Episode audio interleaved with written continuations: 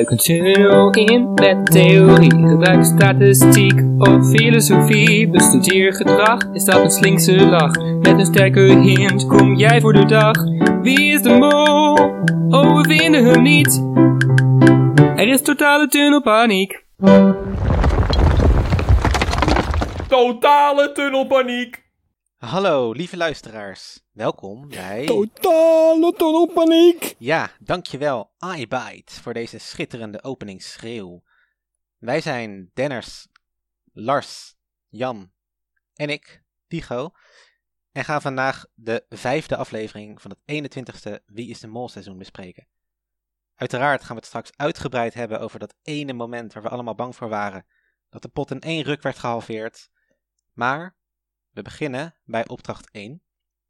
Tenzij jullie het nog willen hebben over de konijntjes en het bondje tussen Splinter en Joshua. Ja, ik vond het wel mooi echt hoe dramatisch dat weer in beeld werd gebracht. Echt zo van, echt als er echt van die geheime spionnen waren of zo. Ja, echt. Ja. Ik ga Joshua wel missen. Ja, want Ja. was het niet gewoon zo dat ze een kamer deelden? Dus dat ze gewoon op hun kamer hun bondje konden doen? Dus het was, het was echt van, ja, we moeten naar buiten, s'avonds. Oh ja, want Charlotte zat bij René. En Rocky bij Marije dan waarschijnlijk. En zij zaten dan bij elkaar zeker. Ja, Ja, toch? maar voor de sfeer moesten ze natuurlijk wel ergens in een Ja, dat, setting, maffia praktijken. Oké. dat is wel echt classic Joshua hoor. Ja. Ja. Nee, wat ik nog wel interessant vond, dat was iets waar we het eerder over hebben gehad, is eh, of de mol alcohol drinkt of niet. Want we zagen dus voor de eerste opdracht begon, zagen we ze nog eventjes lekker iets eten en iets, iets, eh, iets drinken en ze waren aan het proosten. En toen heb ik daar even op gelet, omdat we dat daar het een keer over hebben gehad. Het is natuurlijk geen, Oh. geen garantie, want de mol kan best wel alcohol drinken, zoals Dennis Wening. En de twee personen die geen alcohol dronken waren Splinter en Rocky. Oké. Hmm. Aha, dus dat, dat bevestigt weer mijn vermoedens. Maar eh, daar komen we natuurlijk Ja. later wel op. Ja, volgens mij hadden Joshua en René hadden een, een biertje. Charlotte had een glas rode wijn. Marije had een soort van cocktailachtig iets. Maar later zien we ook René en, en eh, Joshua in ieder geval met een biertje. Ik weet niet of Splinter dan ook meedrinkt. Maar... Oh ja, inderdaad, bij die, eh, bij die biedingen. Ja, dat, dat weet ik niet meer. Ik zag in ieder geval dat, dat hij aan het begin had hij een soort van koffie iets of zo. Oké. Dat is interessant om mee te nemen. En, en Goede observatie. Rocky die had een cola. Ja, maar zij is natuurlijk zo'n sportvrouw, Ja. dus op zich... Dat vind ik dan wel een beetje bij haar passen. Bij Splinter misschien wat minder. Maar goed, het kan natuurlijk ook iemand zijn die misschien niet van alcohol houdt. Geen idee. Klinkt een beetje tunnelig, de redenatie. Ja, maar ja, ik... eh, goed, daar komen we... Ja, goed. En moeten we misschien maar een keer opzoeken van eh, drinkt Splinter al- alcohol of niet? En dan kunnen we... ja, gaan ja. we zijn Instagram zeg maar helemaal stalken en kijken van, oh, hier heeft hij bier in zijn handen of zoiets. De hele onderzoeksjournalistiek. En dan als hij als we allemaal plaatjes zien waarop hij eh, vol zit te zuipen. En dan zien we nu ineens dat hij koffie drinkt. Dan, dan weten wij genoeg. Ja, Maar ja, bier is nog wel redelijk veilig natuurlijk. En wijn... En maar cocktail is misschien wel wat eerder dat je denkt van... Daar word je wel wat sneller dronken van. Mhm. Dus... Dat zou Marije dus eigenlijk het minst mol zijn in dit verhaaltje. Oké. Als we aannemen dat ze constant cocktails aan het drinken is. Dus misschien, misschien houdt ze het gewoon bij één. Dan is er niks aan de hand. ja het, het, het was Ja. niet zo'n heel groot glas of zo, dus dat, dat viel wel mee. Nou goed. Ja, nee, dat weet je niet. Nou, dan gaan we naar opdracht 1. Wie, wat, waar. En die viel weer eens in de categorie OMG, dat had ik ook willen doen. En wow, waarom wist ik niet dat Tsjechië zo mooi was? Rocky en Marije moesten de wie en de wat tekenen. Charlotte en Joshua de waar. En Splinter en René moesten het antwoord dan op een formulier opschrijven bij een geldbedrag. En dan vervolgens ging het weer de andere kant op. 1900 euro kon er worden verdiend. En daarvan verdienen ze 0 euro. Maar het was wel leuk. Wat is jullie opgevallen in deze opdracht? Lars. Het was echt een opdracht die gedoemd was om te falen. Zeker met de communicatie die plaatsvond. Maar ik vond het ook echt een lastige opdracht. Vooral heb je die plaatsen zoals het keukenhof, hoe moet je dat überhaupt gaan uitbeelden? Ja. Dus ik snap wel waarom ze die 0 euro hebben gekregen, zeg maar ook afzonderlijk van wat de mol heeft gedaan. Wat heel erg opviel was eigenlijk voor mij, ik vond dat Splinter het eigenlijk best goed deed. Wat jullie waarschijnlijk niet zullen vinden. Maar ik vond bijvoorbeeld de voetbal die verwijst naar Rocky, vond ik heel slim. Het zwemmen was goed uitgebeeld. Ja, Pinocchio was een slimme gedachte, maar dat was niet heel duidelijk uitgebeeld op het bord. Dat had hij misschien wat groter kunnen doen. Ehm, en ja, wat ze zeiden van dat in het zicht dat hij dat zo neerzette en dat er dan allemaal takken voor hingen. Ik had niet het idee dat het echt heel veel van het bord niet liet zien. Nee. Maar ja, ik weet ook niet of de camera zo stond dat wij het ook kregen te zien vanuit het perspectief van Charlotte en Joshua. Maar goed, eh, wat vinden jullie? Ik denk dat er ook een beetje eh, misschien confirmation bias in zit. En dat zeg ik vanuit de, vanuit de Splintertunnel. Dat mensen nu een beetje op zoek zijn naar van oké, het lijkt bij die opdracht dat Splinter niet echt gemold heeft. Dus oké, hij heeft misschien dat ding voor de struiken gezet. Dus dat was dan de molactie. Maar in ieder geval René was er ook bij betrokken geweest. En in principe, je had wel best wel veel struiken en bomen daar. Dus het was ook niet heel raar omdat, omdat dat er misschien struiken in beeld waren. En op zich, ik vond wel dat Splinter goede ideeën had. Van dat hij dan die, eh, dat schilderij in tweeën opdeelde. Van links komt dan de wie en rechts komt de wat. Dat was heel duidelijk. Maar ik denk ook wel dat de mol eigenlijk in de positie, of eigenlijk de verrekijker had. Of niet per se dat de mol daar stond, maar dat het wel de beste positie is. Ja. Omdat die volgens mij ook, die schreef. Nee, niet, want Splinter schreef ook de antwoorden op trouwens. Maar in ieder geval, degene die het ziet, die door de verrekijker kijkt, die bepaalt eigenlijk alles. Die zegt, die zegt gewoon wat hij ziet. En die kan gewoon van alles van maken eigenlijk.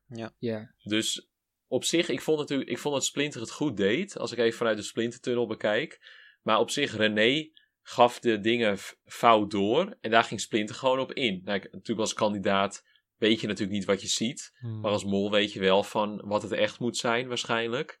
Dus dan weet je gewoon, oh dit gaat fout. Dus ik ga gewoon lekker mooi schilderen. Ja, maar dan laat je eigenlijk René mollen. Ja, maar dat is, dat is al door. Ja, ik weet niet. Met Splinter is het een beetje raar. Want het is een beetje. Hij is dan. Ik vind denk dat hij de mol is. Maar eigenlijk flopt hij best wel vaak bij molacties. Die dan anderen uitvoeren. Dat ik denk van ja. Dit gaat niet helemaal goed. Maar dan hoop ik gewoon dat in aflevering 10 allemaal dingen naar boven komen. Ja, eh, wat het een beetje is met deze opdracht is dat je ook gewoon niet zo heel goed de mol kan vinden. Eigenlijk ben ik best wel blij dat Joshua eruit ligt. Omdat eh, hier zie je dus ook weer dat Joshua zit basically in die positie eh, in het midden. Dus zeg maar echt de, de positie die alles bepaalt. Want elke zin moet langs hem. En, en hij, Ja. hij doet echt gewoon deze hele opdracht gewoon in zijn eentje eigenlijk gewoon, ja, fout. Ja. Ja, ik vond Joshua de eerste. Ik vond, dit is de eerste keer dat ik Joshua niet zo leuk vond in het spel. Maar echt heel erg. Want het begon al toen hij René zeg maar niet toeliet om met Charlotte samen te gaan. Toen ook zoiets van: ja, jij bent eigenlijk al degene die het meest het geld uit de pot een beetje heeft zitten spelen. En dan eh, verdenkingen op zich probeert te krijgen. Dus om dan, dan zo'n sleutelpositie te krijgen, dat is een beetje, ja, een beetje ambigu. En dan vervolgens zegt hij van, ik kan niet tekenen. Geeft hij dat aan Charlotte. En gaat hij dan de hele tijd Charlotte uitlachen, omdat ze niet kan tekenen. Ja, daar ergerde ik me een beetje aan. Want dan da- denk Ja. ik zo van, ja, als je het zelf niet kunt, ga dan iemand anders ook niet uitlachen of zo. Wees een beetje constructief. Eh, gooi ideeën naar haar, ja. Bij die groepsindeling, ik heb wel het idee dat, dat Joshua op René zat, zeg maar. Dus misschien dat hij gewoon haar niet vertrouwde en dacht van, eh, ik ga jou niet eh, laten bepalen met wie jij komt te zitten. Maar Ja, en dat is dan, hij heeft, een bondje, hij heeft dan natuurlijk een bondje met Splinter die ook op René zat. Dus hij wou waarschijnlijk dat Ja. een van hun bij René kwam. Hmm. Maar het, het, het was wel grappig dat René uses self-defense. It's not very effective. Dat is wel ja, dat was wel zielig. En zielig, ja. Ja, zielig. verder nog dingen opgevallen, jou Jan? Ja, ik zit even te kijken. Ja, in ieder geval dat we overzichten hadden. Ja. We zagen van die plaatjes waar, waar de mensen stonden. Ik dacht van, ah, ze kunnen dus wel weer dit seizoen. Ja. Ehm, en op zich, ik vond het bij deze opdracht niet heel erg nodig of zo. Want het was gewoon, oké, zij staan daar, zij doen een wie en een wat. Zij doen een wie en, wie en een wat en zij doen een waar. Dat was best wel duidelijk, denk ik. Ja. Maar op zich, ik ben helemaal, het is helemaal Mhm. perfect. Doe overzichtjes. Ik bedoel, doe altijd overzichtjes. Dat is altijd beter dan dat je het niet doet. Maar er waren opdrachten waar het misschien meer nodig was dan bij deze opdracht. Maar goed, verder eh, perfect dat ze dat gedaan hebben. Ja, ik, ik- eigenlijk vond ik het wel fijn. Want het was eerst nog wel een soort van: oké, maar gaat het dan één richting op? Of gaat het dan twee richtingen op? En het was dan wel fijn om zeg maar eventjes visueel te zien van: oh, dus die ene groep begint en die doet dan zo een zin. En de andere groep die begint ook. En die maakt dan de andere kant op een zin. Ja. Ja, oké, dus dat, dat klopt. Dat was misschien niet helemaal duidelijk aan het begin. En dat was wel duidelijk nu met die overzichtjes. Dat ze wel liet zien van oké, het gaat twee kanten op. Ja, Oh, stond, dat, stond dat ook op het overzicht dan? Of, eh, ik, Ja. dacht dat op het overzicht juist stond dat het één kant op ging. Nee, ze hadden dus twee overzichten. Ze hadden Ah. het begin een overzicht en dan zag je die kant op gaan. En dan zag je later weer een overzicht en dan ging het juist de andere kant op. Dus dat was op zich wel goed, vond ik inderdaad. Ik dacht wel van ja, ik had, wat had ik nog, wat had ik eigenlijk bij deze opdracht allemaal? Ja, ik vond dus eigenlijk, want ik zie, mensen zitten nu op zich wel op Rocky. Omdat zij natuurlijk nu wel veel geld uit de pot haalden bij opdracht 2. En dat ze dan toch misschien wel de mol kan zijn. Maar ik vond haar weer anti-mols bij deze opdracht. Omdat zij best wel goed schilderde. Ze schilderde groot. En ook best wel duidelijke dingen. Niet, want kijk, Charlotte die schilderde gewoon niet goed. Ik, bedoel, met die, ik vond het ook wel leuk met die kaasmarkt. Toen was echt zo trots op die kaasmarkt. En dan vroeg zo aan Joshua van, ja, wat, zie je hier een kaasmarkt in? En hij zei echt gewoon sarcastisch, ja, natuurlijk. En dat geloofde ze helemaal. Oh ja. Dus ja, ik dacht ook van, ja, op zich, als mol kan je natuurlijk ook gewoon slecht schilderen. Maar zelf ben ik ook slecht in tekenen en schilderen. Dus in principe kon ik me wel identificeren met Charlotte. Want ik denk dat ik ook gewoon dat soort dingen had gemaakt. Nee, ik, ik dacht dat ze, dus dat ze bij die sauna een zwangere vrouw had getekend, maar dat was toch iets anders. Ja, maar dat waren best wel duidelijk borsten, toch? Ik weet niet, bij een zwangere vrouw zit de buik niet echt op die hoogte, lijkt me, toch? nee, maar goed, ja, ik vond het toch... Ja, ik weet niet of het, of het alsnog helemaal anatomisch correct was, maar... Nee, nee, dat zeker niet. En op zich, ik zat wel nog te denken van, oké, wat kan de mol hier nog doen? Je had natuurlijk die bedragen waar je het antwoord bij kon zetten. Dus je had 300 euro als maximum en dan 25 euro als minimum. Dus de mol kan in principe de goede antwoorden bij lage bedragen zetten en foute antwoorden bij hoge. Maar ja, alles ging fout. Dus op zich, daar valt ook niet echt wat aan af te leiden, volgens mij. nee. Dus het- het- het- ik vond het echt wel een, een soort van vorige aflevering, aflevering 4. Toen werd er echt enorm veel geld verdiend. Dus ze dachten van ja, we moeten nu gewoon een opdracht doen die gewoon totaal mislukt. Want dan balanceren we het weer. Dat, dat idee had ik een beetje. Ja, en eigenlijk is het, is het grappige dat in beide gevallen je niet heel goed kan zien waar er nou precies gemold wordt. Want als, Ja. als alles goed gaat, dan denk je van ja, iedereen heeft alles goed gedaan. Dus wat, wat heeft de mol gedaan? En als alles fout gaat, dan denk je ook van ja, maar dan als niemand het goed doet, dan, dan weet je niet of het expres niet goed is gegaan door één iemand of dat het gewoon aan de opdracht lag. Ja, Verder nog dingen? ja op zich, de- ik deed, deed me wel meteen denken aan seizoen 8, deze opdracht. Oh Daar ja. hebben we, het vorige week nog, hebben we het vorige week nog over gehad met die quotes van Georgina. Dat ze dan een kat tekende en dat ze eigenlijk alles verkeerd begreep, maar het dan toch goed deed. Of dat ze het eigenlijk wilde mollen. Maar, maar dat was eigenlijk uitgebreider. Want toen had je eigenlijk verschillende deelopdrachten. Sommigen stonden op een boot en moesten met volgens mij een rode vlag en een gele vlag of zo aan hun armen moesten doen. Ja, En Patrick en Dennis stonden op het strand, wat ook gewoon een geweldig moment was. Die moesten ook dingen uitbeelden. Stond Patrick zo dan borsten uit te beelden. Volgens mij was dat voor Georgina dan. Ja, en dat je dus dat Georgina ging dan schilderen. Dus dat was eigenlijk dat element. En dat was dan nu deze hele opdracht. Dus ik kreeg wel een beetje meteen, ik dacht meteen daaraan.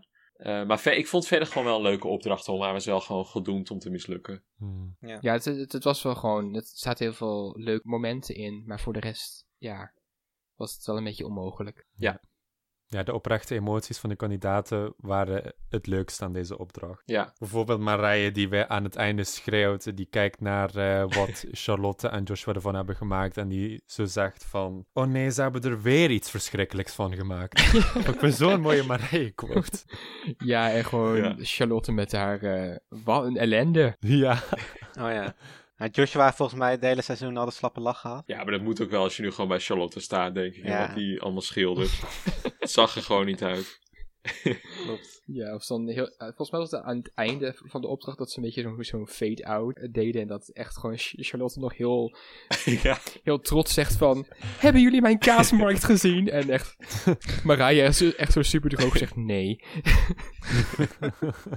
Ja, het was ook echt. Het was ook volgens mij gewoon. Ze had een vierkant getekend. En daar had ze dan vier gele, gele driehoekjes ingetekend. Dat was dan de kaasmarkt. Ik bedoel, ja, hoe kan iemand dat herkennen? Ja. Als, ja, als mol is het wel leuk misschien. Als je als mol gewoon zoiets doet. Nou ja, en haar, Ja. haar tand was ook niet heel duidelijk. Ja. Dat was een zaag, die tand. Wa- Was een soort van struikje of zo. Want, want Ja. het, het, het, het was ook groen, for some reason. Ik, ik weet niet wie, wie de groene tanden Ja. heeft, maar...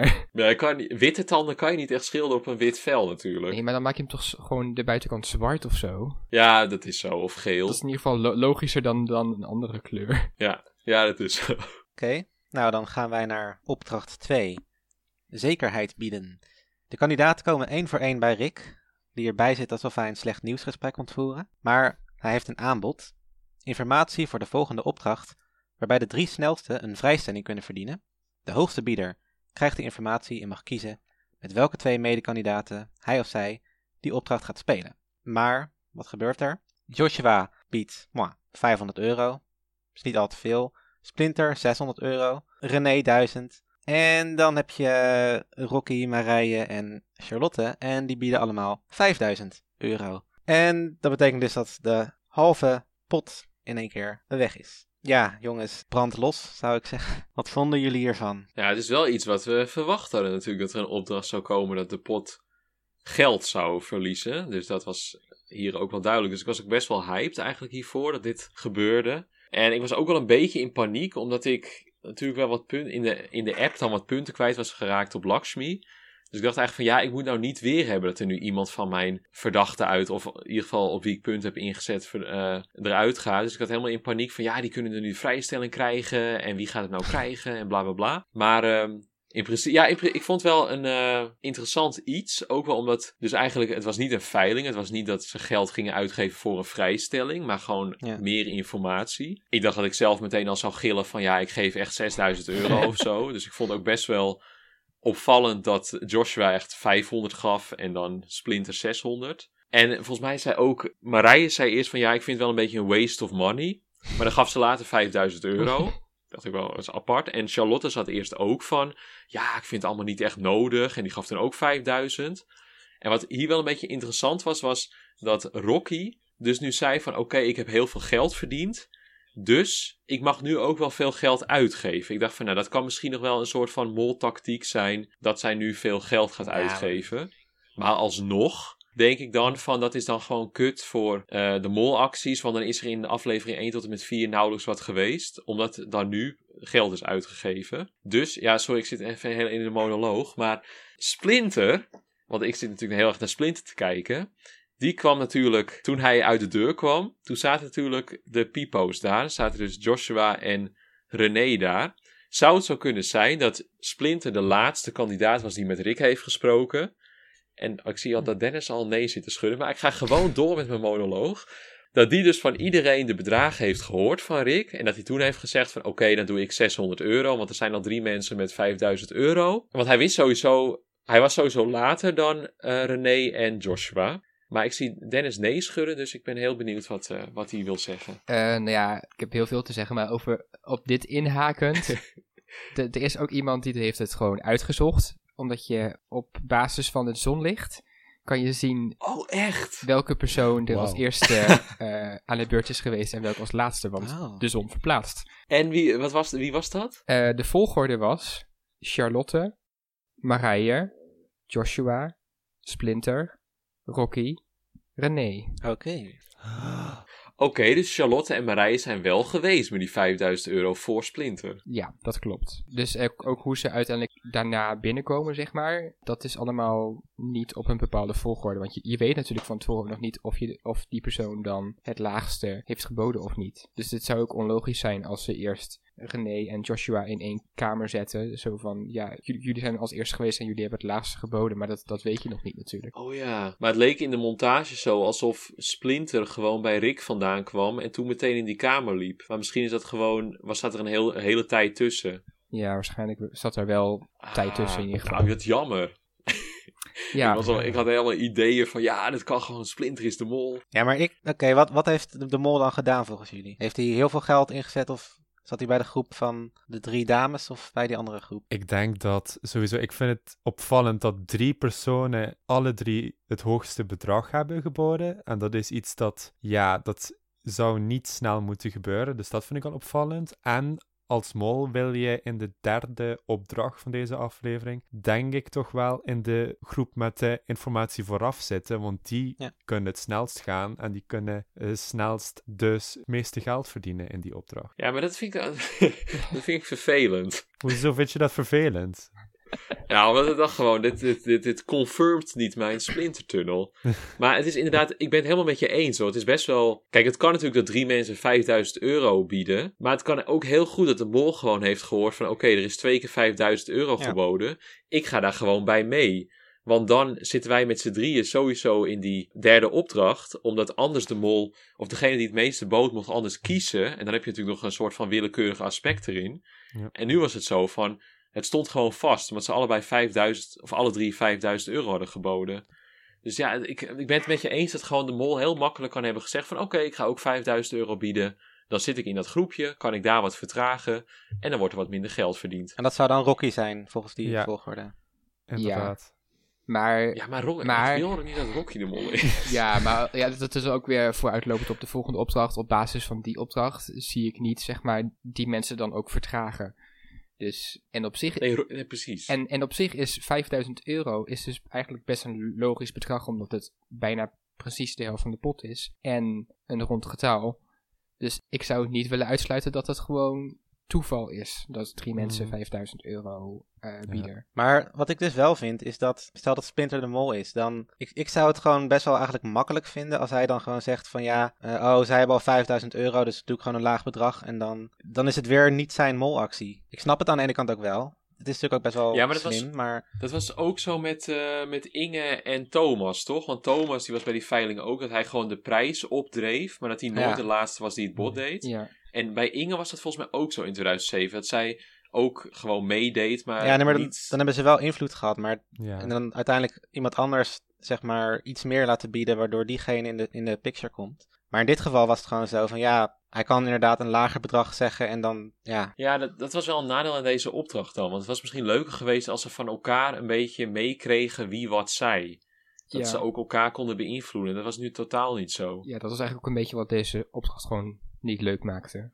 Ik, ik, ik vond het, by the way, Of vond je hem niet leuk? ik, ik vond het echt geen leuke opdracht, nee. Voor de klote opdracht, Ja. Dennis. Ja, Jeetje. Nou, vertel. Wat, eh, wat, hoe had het beter gekund? nou ja, kijk, sowieso vind ik eigenlijk veiling, opdrachten en opdrachten waar bijna de helft van de pot of de hele pot eruit kan, vind ik gewoon niet leuk. Omdat het, de, de afleveringen daarvoor maakt het een soort van minder relevant. En daarnaast heeft het ook altijd best wel heel veel invloed op hoe wij de mol uiteindelijk gaan, gaan zien aan het einde. Want dan gaan ze wel weer schreeuwen van, oh, het was de laagste pot ooit, of het was een super laag pot. maar ja, dat komt, Ja. ja. als je dan zo'n opdracht erin doet, dan, dan is dat ook logisch dat de pot heel laag eindigt. Mee eens. Ja, en ik snap dus ook heel erg, stel dat Splinter de Mol is, dat je dan niet, ja, niet nog meer dan 5000 euro gaat, gaat bieden. Want dat is ei- eigenlijk gewoon een soort van zwaktebod van de Mol. Dat hij dan zoveel geld er in één keer uit moet trekken, gewoon op zo'n super makkelijke manier. Terwijl ja, een goede mol moet het gewoon in de opdrachten zelf eruit mollen, zeg maar. Ja. ja, dat is waar. Stel ook dat de andere kandidaten dus niet hoog hadden geboden. Dan had misschien de mol,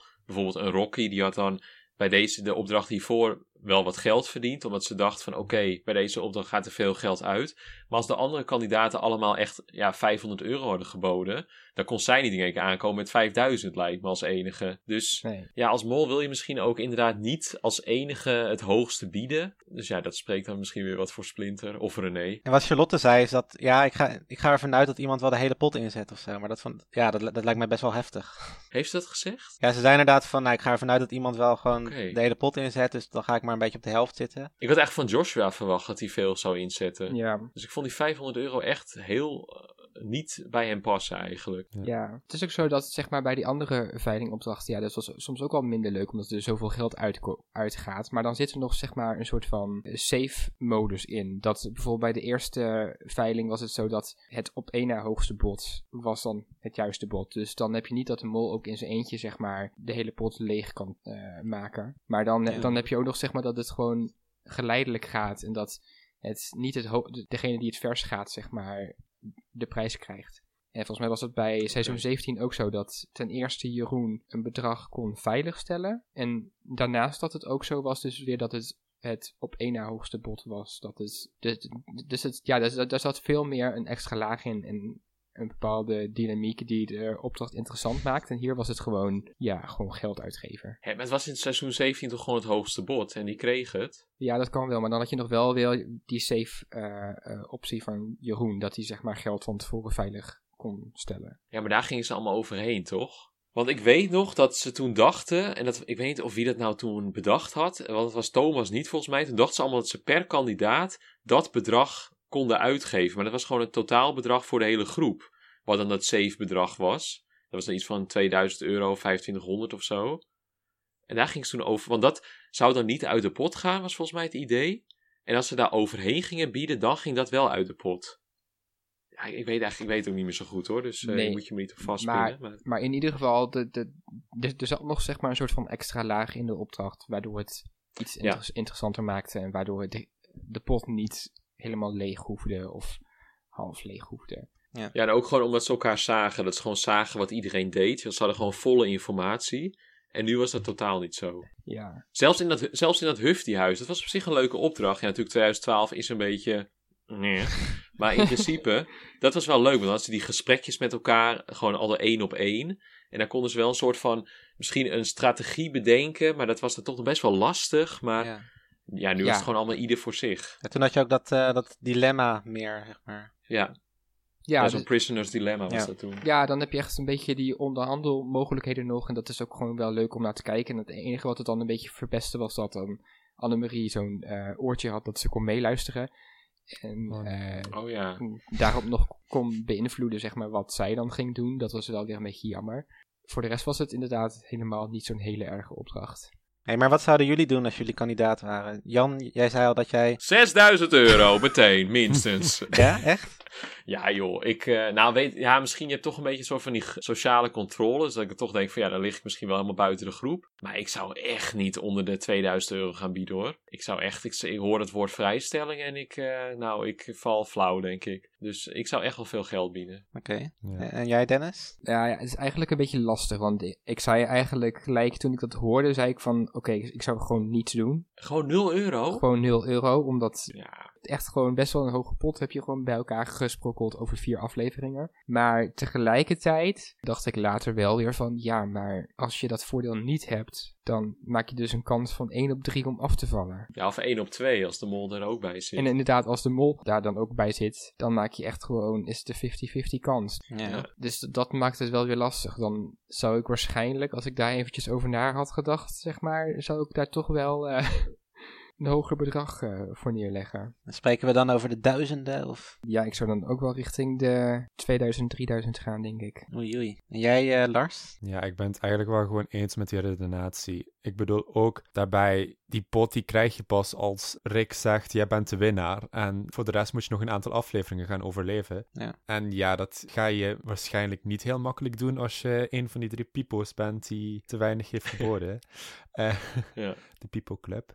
En ja, dat is vanuit mezelf als persoon zou ik eerst ook zeggen van nee, ik ga niets bieden. Maar als ik dan denk aan het spel en hoe het in elkaar steekt, dan denk ik wel dat ik ook flink bied. Want ik vond het ook opvallend dat eh, in de eerste aflevering had je ook die drie personen die als enige er niet voor hadden gekozen om die joker van de mol aan te nemen. En dat waren Rocky, Marije en René. En twee van hun die zaten nu in de groep die wel het meeste geld hadden uitgegeven. Mhm. Dus dat vond ik ook weer eigenlijk een beetje een mooie parallel aan hoe mensen dan Ja. toch, zeg maar, meer in het spel zijn gekomen. En meer inzien van, oh shit, misschien is het heilig poontje spelen ook niet helemaal goed. Ja, en René die bood uiteindelijk ook wel 1000 euro. Dat is ook niet niks, natuurlijk. Ja. Ja, vergeleken met 5000 wel, maar... Dan het- vind ik 1000 nog wel redelijk voor de kans op een vrijstelling.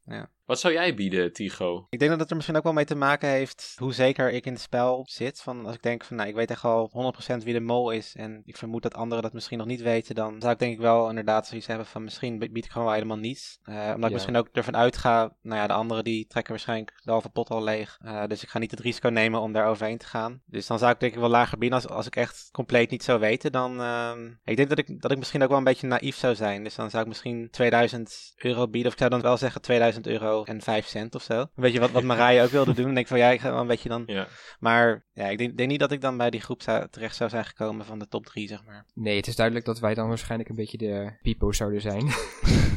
Ja, inderdaad. Ja, jullie ja. ja, wij twee, ja. Maar ik vond het ook wel interessant van Charlotte trouwens. Want dan dacht ik nu even aan, omdat Tigo zei van als ik zeker ben over de mol, dan zou ik misschien weinig bieden. Want Charlotte zei dus, Rick vroeg dus van, ben je zeker over je mol? En toen zei ze ja. Ja. Maar toen later bij de test, toen spreidden ze echt over drie mensen of zo. En toen zei ze ook van, ja, ik weet, ik weet eigenlijk niet wie het is. Ja. Toen dacht ik van, hè, wat- dit is ook een rare... eh, dat was echt eh, misschien, eh, ik weet niet hoe, hoeveel tijd ertussen zat, maar dat vond ik best wel een rare omslag. Ja, ik vond het trouwens ook wel leuk, want Tigo noemde het een soort van functioneringsgesprek van Rick. Ik, ik, ik zag bij Charlotte meer een soort van zo'n leerling die dan bij een docent zit van...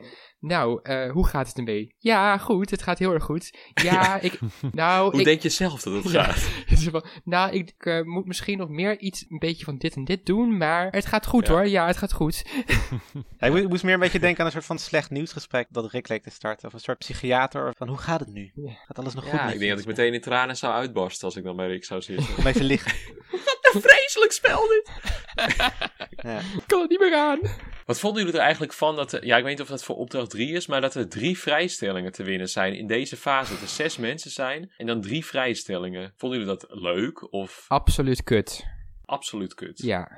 Nou, dat is duidelijk. Ik heb het idee dat ze, dat ze een beetje nu proberen om meer spanningen in de groep te creëren. Dat zie je ook al bij de beelden van volgende week, dat ze daar nog meer tegen elkaar op worden gezet. Dus dat ze dat een beetje proberen los te maken in de groep. Het is ook wel lullig, want stel dat René dus de mol is, dan zitten dus Splinter en Joshua allebei op René. Ja. Maar dan gaat Joshua eruit bij de laatste zes in aflevering 5, terwijl hij dan vol op de juiste mol zit. Alleen maar door dit dingetje wat gebeurd is. Ja, dat vind ik ook wel lullig inderdaad. Het is het spel, maar toch, dat zou ik wel lullig vinden. Ja, nee, op, op zich vind ik het kandidaten tegen elkaar opzetten idee is leuk. Maar daarvoor hoef je niet drie vrijstellingen erin te gooien. Ja. Ik was eigenlijk al vanaf het mo- moment één, want toen hoorde je Rick, toen de aflevering startte, toen had hij al zo'n zin van ja, het kan zo zijn dat degene afvalt die niet de test het slechtst heeft gemaakt. En toen raakte ik al echt al in lichte paniek van oh god, wat gaan ze doen? Wat misschien leuker zou zijn geweest, was dat ze die vrijstellingen konden verdedigen in een soort van vuurgevecht of zo. Of dat die vrijstellingen ook weer afgepakt konden worden. Ja, meestal is dat zo. Ja, of, het- of het had eigenlijk ook al heel veel uitgemaakt als het gewoon één vrijstelling was die ze moesten verloten of zo onder de drie.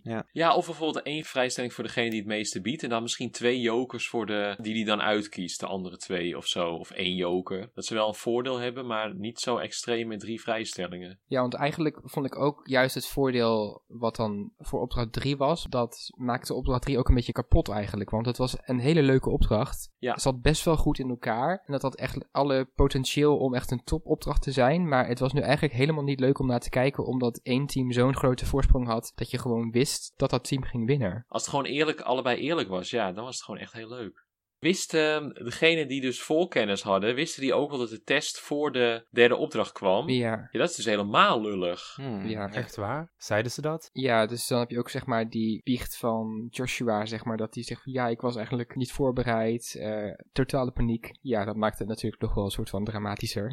Ja, dus ik dacht van, ja, dus stel dat wel het Pipo-team had gewonnen bij die vrijstelling op magische wijze. Ja, op zich dan maakt het natuurlijk niet uit, want dan hadden die anderen wel volk, of dan wisten die dat de test eraan kwam, maar dat was dan toch tussen die drie, dus op, in principe was dat dan niet zo erg. Wat ik trouwens nog wel leuk vond, is dat we dus alle mensen tegelijkertijd de test zagen maken. Dus toch ook weer een soort van andere, Mhm. andere dynamiek. Ook omdat je, als je mensen ziet, dan, dan, dan, dan, dan weet je ook hoe lang mensen erover doen, bijvoorbeeld. Ja. Ja, Ja, dat is wel leuk. Ja. Dus dat is op zich wel een leuk element. Om dan toch iets positiefs te zeggen hè, over dit gedeelte van de aflevering.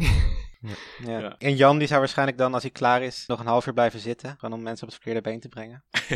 ja maar dan, dan net doen alsof ik nog dingen, heel, heel eh, ernstig naar mijn scherm kijk en nog dingen aanklikken en zo. Ja, ze wisten volgens mij wel dat over een half uur de trein zou vertrekken. Dus in principe hadden ze een half uur om de test te doen en Oh. zich voor te bereiden. Stel je voor dat je dan nog echt halverwege je test bent en dan vertrekt ineens de trein. Ja, dat dacht ik ook. Van dan rijdt, dat kan toch niet? Want Rick die zei voor de test van ja, de trein gaat over een half uur weg, dus nu komt de test. ja, en, en als je dan b- bijvoorbeeld Jan heet en meer dan een half uur over je test doet, dan ja, dan... Nou, dan moet ik wel even nog. eh, ik kan de test heel snel doen. Maar ik doe de test heel langzaam in het begin. Omdat ik het dan zo heel statistisch en wiskundig helemaal optimaal verdeel. Ja, Dus het is niet zo dat ik echt zo'n hele slome duikelaar ben. Die gewoon echt. "Oh, De man, de man is een man of een vrouw. Dat snap ik niet. Ik bedoel, zo gaat het niet. ja oké. Om even mijn naam te zuiveren. Oké. Wat mij opviel is, ja, dit gaat ook misschien een beetje al verder op wat Joshua helemaal aan het einde zegt als hij geëlimineerd wordt. Maar tijdens zijn biecht, zeg maar, over wat hij in de test doet, noemt hij geen naam. Hij zegt eigenlijk alleen, maar hij maakt vage verwijzingen van, ja, ik weet niet meer of de mol of ze haar handen in haar broek had of dat soort dingen. Maar hij noemde geen naam en dat vond ik best wel opvallend, want aan het einde zegt hij, ja, ik sta nu hier omdat Splinter daar staat. Of andersom, weet ik niet meer zeker. Maar het zou dus kunnen dat Splinter en Joshua hadden afgesproken om misschien vol op iemand te gaan. En dat ze daarmee probeerden een beetje te zien wie dan de mol zou zijn als een van de twee zou afvallen. Want daar is dus de kans heel groot voor. Als zij beide dachten dat van René is de mol, dan zou een van de twee sowieso afvallen. Dus dan konden ze het beste sowieso spreiden om te zien of dat echt zo is. Ja, maar vorige, vorige week zat uh, Joshua vol op René. Dat was, zei hij toen bij zijn test van ik heb tunnelvisie op René. Ja. Dus dat verhaaltje wat hij nu vertelde bij de test, dat interpreteerde ik gewoon het gaat over René. Mhm. En ik, ik snap het ook niet zo goed, want wat heb je eraan om... Dan heb je een bondje en dan gaat de een op de één inzetten, of in ieder geval op een kandidaat. En de ander gaat op een andere kandidaat vol inzetten, maar dan valt één iemand af. Ja, dan weet de ander van oké, dat is dus niet de mol. Ja. Maar dan ben je er zelf misschien uit. Maar als dat je hoofdverdachte is, dan geeft het je heel veel informatie. Want dan weet je eigenlijk van, dat is niet, eh, niet de mol. En dat helpt je al veel meer om het spel beter te zien. Ja, maar dat werkt niet als je dat met een mol doet. Dat klopt. Ja, of je er zelf uitlicht ook. Ik denk dat ik dan gewoon heel sneaky zou doen van ja, ik doe dan alsof ik op die ga inzetten, maar dan stiekem pak ik toch mijn mol erbij. En als die ander dan afvalt, is dat mooi meegenomen. Nee, je bent echt een snitch. Nou, maar ik, ik, je hebt, kijk, Joshua heeft hier nu niks aan. Die is er nu uit. Ja, klopt. Dus dan heeft Splinter vet veel geluk. Maar ik bedoel, hij zit nu eh, in het eh, vliegtuig terug of in de trein terug. De Moldau Express zit hier nu terug.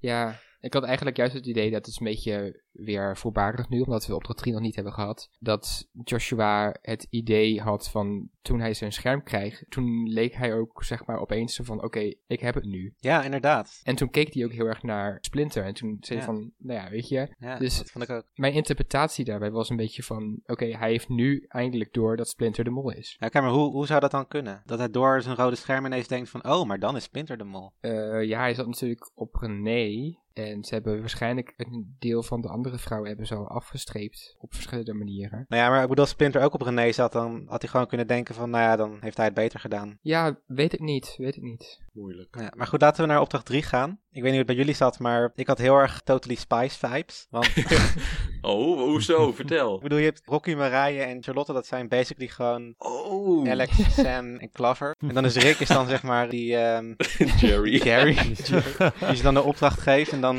ja, hoe ze dan ook in die trein echt als superheldinnen er doorheen rennen en zo. Nou, het voelde voor mij Ja. meer als eh, een legeraanvoering. Maar Ja, nee, maar ik had ook, en dan stelde ik me voor dat zeg maar dat andere team, het waren een soort van supervillains. Dat je bijvoorbeeld Splinter, dat is een soort van evil genius, de mol. En Joshua, hoe die dan aan, aan het eind zo wegloopt. En dat je, dat je nog even zo ziet lachen, zo van, I will take my revenge, of zo. En nou ja, dat, dat was dan mijn fantasie misschien. Maar goed, uiteindelijk ze hadden 1800 euro kunnen verdienen. Dat was het maximale bedrag. Dan moesten ze wel heel snel zijn. Maar ehm, Dat kon niet had niet gekund. Nee. Nee, maar goed, de, de klok die liep af en uiteindelijk wordt er 750 euro verdiend. Het had ook 850 kunnen zijn, maar ze vergaten om de klok uit te zetten. Wat ik op zich wel snap, want er stond ook gewoon een belletje naast. Dus ze dachten waarschijnlijk van ja, oké, we hebben het belletje geluid, dus we zijn klaar. Maar toen kwamen ze op een gegeven moment achter dat de klok nog steeds terugliep. Of vonden jullie dat wel verdacht? Nou ja, als de mol daarbij zit, dan is het logisch dat de mol dat niet gaat aantikken. En ja, als de anderen dat niet doen, dan gaat hij ook niet zeggen van, eh, oh, we moeten er even op Nee. tikken of zo. ik vond Rocky daarbij het verdachtste. Omdat ze, had echt letterlijk zicht op de aftellende klok. Ja, En die ging twee keer overspringen. Dus de eerste keer dat hij oversprong, had ze het eigenlijk ook al moet, moeten zien. En daarnaast had ze echt gewoon geen. ja, Want je zag toen ze het opmerkte dat Charlotte en Marije echt gewoon gelijk echt zo'n reflex hadden. Terwijl Ja. bij Rocky gebeurde echt helemaal niets. Ik heb er nog goed naar gekeken, maar wat me dus opvalt is dat ze eigenlijk laten ze dat moment niet helemaal duidelijk zien. Je ziet wel het moment dat ze de klok uitzetten, maar niet echt wat ervoor gebeurt. Van wie het dan precies als eerst opmerkt. ja, je Nee. ziet ook niet het moment waarop het van 850 naar 800 springt. Je ziet pas het moment Nee. waarop het van 800 naar 750 springt. Dus je weet niet of iemand dat andere moment heeft kunnen zien, nee. maar ja, het klopt Ja. natuurlijk wel wat Dennis zegt. Omdat Ro- Rocky had wel het beste zicht erop. Omdat natuurlijk Marije en Charlotte allebei echt ernaast zaten. Dus die moeten er echt op kijken. En Rocky zat natuurlijk wat verder. Dus die ziet dat beter. Ja, en sowieso waren Ch- Charlotte en Marije waren helemaal hysterisch. Terwijl Rocky vrij rustig was. Dus ja, je zou, zou iets meer focus moeten hebben in die, in die zin. Ja, het was echt hoe ze daar aankwamen ook. Het was echt gewoon alsof ze eh, nou eh, een hoogtepunt hadden bereikt. ik bedoel, het was eh, heel extreem. Gillen en schreeuwen.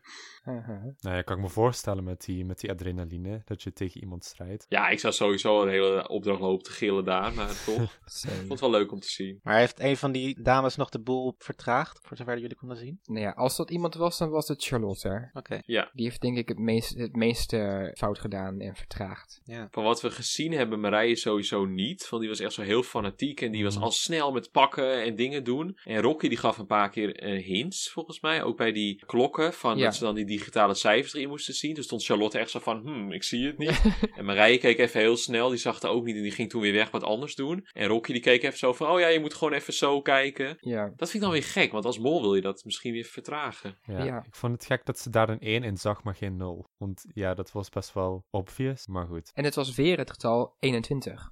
Ja. Oh. Ja, en het komt ook terug bij de hints, dit trouwens. Daar zal ik jullie alvast even op voorbereiden. Oké, oké, leuk. Wat ook opviel, ik weet niet of het iets is, maar je ziet Rocky eerst wachten op die zakken die buiten hangen. En vervolgens is het niet Rocky, maar Marije die die zakken probeert uit te halen. Dus ik weet niet wat Rocky daar heeft staan doen. Dus misschien heeft ze het ook buiten beeld zitten vertragen als ze de mol zou zijn. Ja, ja. Ja, dat is natuurlijk ook wel zo, ja. eigenlijk, ik, ik wil gewoon echt niet dat Rocky de Mol is. Nee. Dus ik ga dat gewoon helemaal negeren. Want het zou het echt gewoon, als ze die eerste vier afleveringen heeft zoveel geld opgehaald. En gewoon sowieso die 2000 toen bij de vrijstellingen met het abzeilen. Dat was Mhm. echt gewoon, dat kan echt niet als mol. Nee. Dus als, zij, als ze de mol is en ze heeft zeg maar dat gedaan en dan te van, oh nou nu, nu ga ik even 5000 eruit bieden. zou ik echt gewoon niet leuk vinden. Zou ik echt gewoon een slechte mol vinden. Dus ik ga dat gewoon helemaal negeren en gewoon, zij is het gewoon niet. Oké, maar is in dat andere groepje nog iets verdachts gebeurd? Ja, niet, ik hoorde wel van ja, René die hoorde het af en toe niet goed, maar ik vond het niet heel opvallend. Ik vond niet dat ze opvallend aan het vertragen was. En ja, volgens mij, eh, bij, bij dat groepje merkte ik niet zoveel eigenlijk. Gewoon totale paniek wat je, wat je verwacht van die groep. Want die weten dat de andere groep een voorsprong heeft. Ja, en Joshua miste natuurlijk die postzakken, maar ja, goed, die is eruit. Dus daar kunnen we ook verder niks mee. Ja, wat ik eigenlijk nog wel stom ook vond aan deze opdracht, was dus en dat het geldbedrag best wel laag was, ook omdat het aftelde. Dus ja, Ja. we- weet je, die, die 1800, dat ga je nooit halen, want je moet nog door drie wagons heen. En daarnaast, dat die postzakken, die hingen echt pas na echt een bepaalde tijd hingen ze er pas. Ja. Het was niet zo dat je, dat je die eerder al ergens binnen kon slepen. Nee, dat is waar. Ja. Dus eigenlijk het maximale bedrag wat ze konden halen, was ook eigenlijk gewoon bijna niets. Ja, dat was denk ik die 850 of misschien 900. Want het was echt zo, toen ze die postzak binnen hadden, toen, ja, misschien met de montage, maar het leek erop alsof ze echt meteen toen het zagen en door konden. En toen stond er 850 op. Dus Ja. misschien dat het maximum dan echt 900 was, als ze misschien toch nog iets trager waren. Dus dat vond ik wel een beetje lullig. Ik denk van laten we dan gewoon aflopen van 3000. En dat ze dan misschien bij 2000 nog wat eh, dan af, aftikken of zo. Ja, om het dan nog ook een beetje goed te maken met hoeveel geld ze hebben uitgegeven bij de vorige opdracht. Ja. Dan was dit echt wel een beetje een lullig bedrag, ook voor zo'n grandioze opdracht. Ja, want het is eigenlijk van twee opdrachten. Ja, een soort van vervolg van de tweede opdracht, waar natuurlijk heel veel geld eruit ging. Dus dat, Ja. dat was dan een beetje een klein bedragje die ze dan weer terug konden verdienen. Ja, dus dat had echt wel Ja. een stuk hoger mogen zijn. En of gewoon die postzakken, dat ze die ook eerder al langs het spoor hadden neergezet. Dat je de kans had dat je die eerder kon pakken. Ja.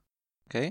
Dan is het tijd voor de terugblik. En voor de terugblik van deze week, we hadden het een paar afleveringen geleden, hadden we het erover dat misschien wel interessant zou zijn om te kijken naar vorige seizoenen, welke aflevering van elk seizoen er niemand naar huis hoefde. Omdat we op basis van de vooruitblik vorige week, hadden we misschien verwacht dat, dat er deze week niemand naar huis zou hoeven. Maar goed, uiteindelijk dus wel. Dus voor deze terugblik ben ik eventjes de archieven ingedoken en ben ik even per seizoen gaan kijken van, oké, welke aflevering viel er niemand af en waarom en wat kunnen we daar voor conclusie uit trekken. En ik heb er wel een, eh, een interessante conclusie uit kunnen trekken. Dus eh, ja. Maar goed, laten we eerst eventjes kijken hoe dat precies in de eerdere seizoenen te werk ging. Nou, in de eerste twee seizoenen waren er maar negen afleveringen, dus kwam het precies zo uit dat er elke week iemand naar huis kon. En dat gebeurde ook. In het derde seizoen daarentegen waren er elf afleveringen, maar er waren ook elf deelnemers. Toen in week vier hoefde er niemand naar huis. En eh, dus dat was eigenlijk de eerste keer dat dat gebeurde. In seizoen 4 waren er wel drie afleveringen dat er niemand naar huis moest. Aflevering 3, 5 en 7. En ook nu waren er weer 11 afleveringen in totaal.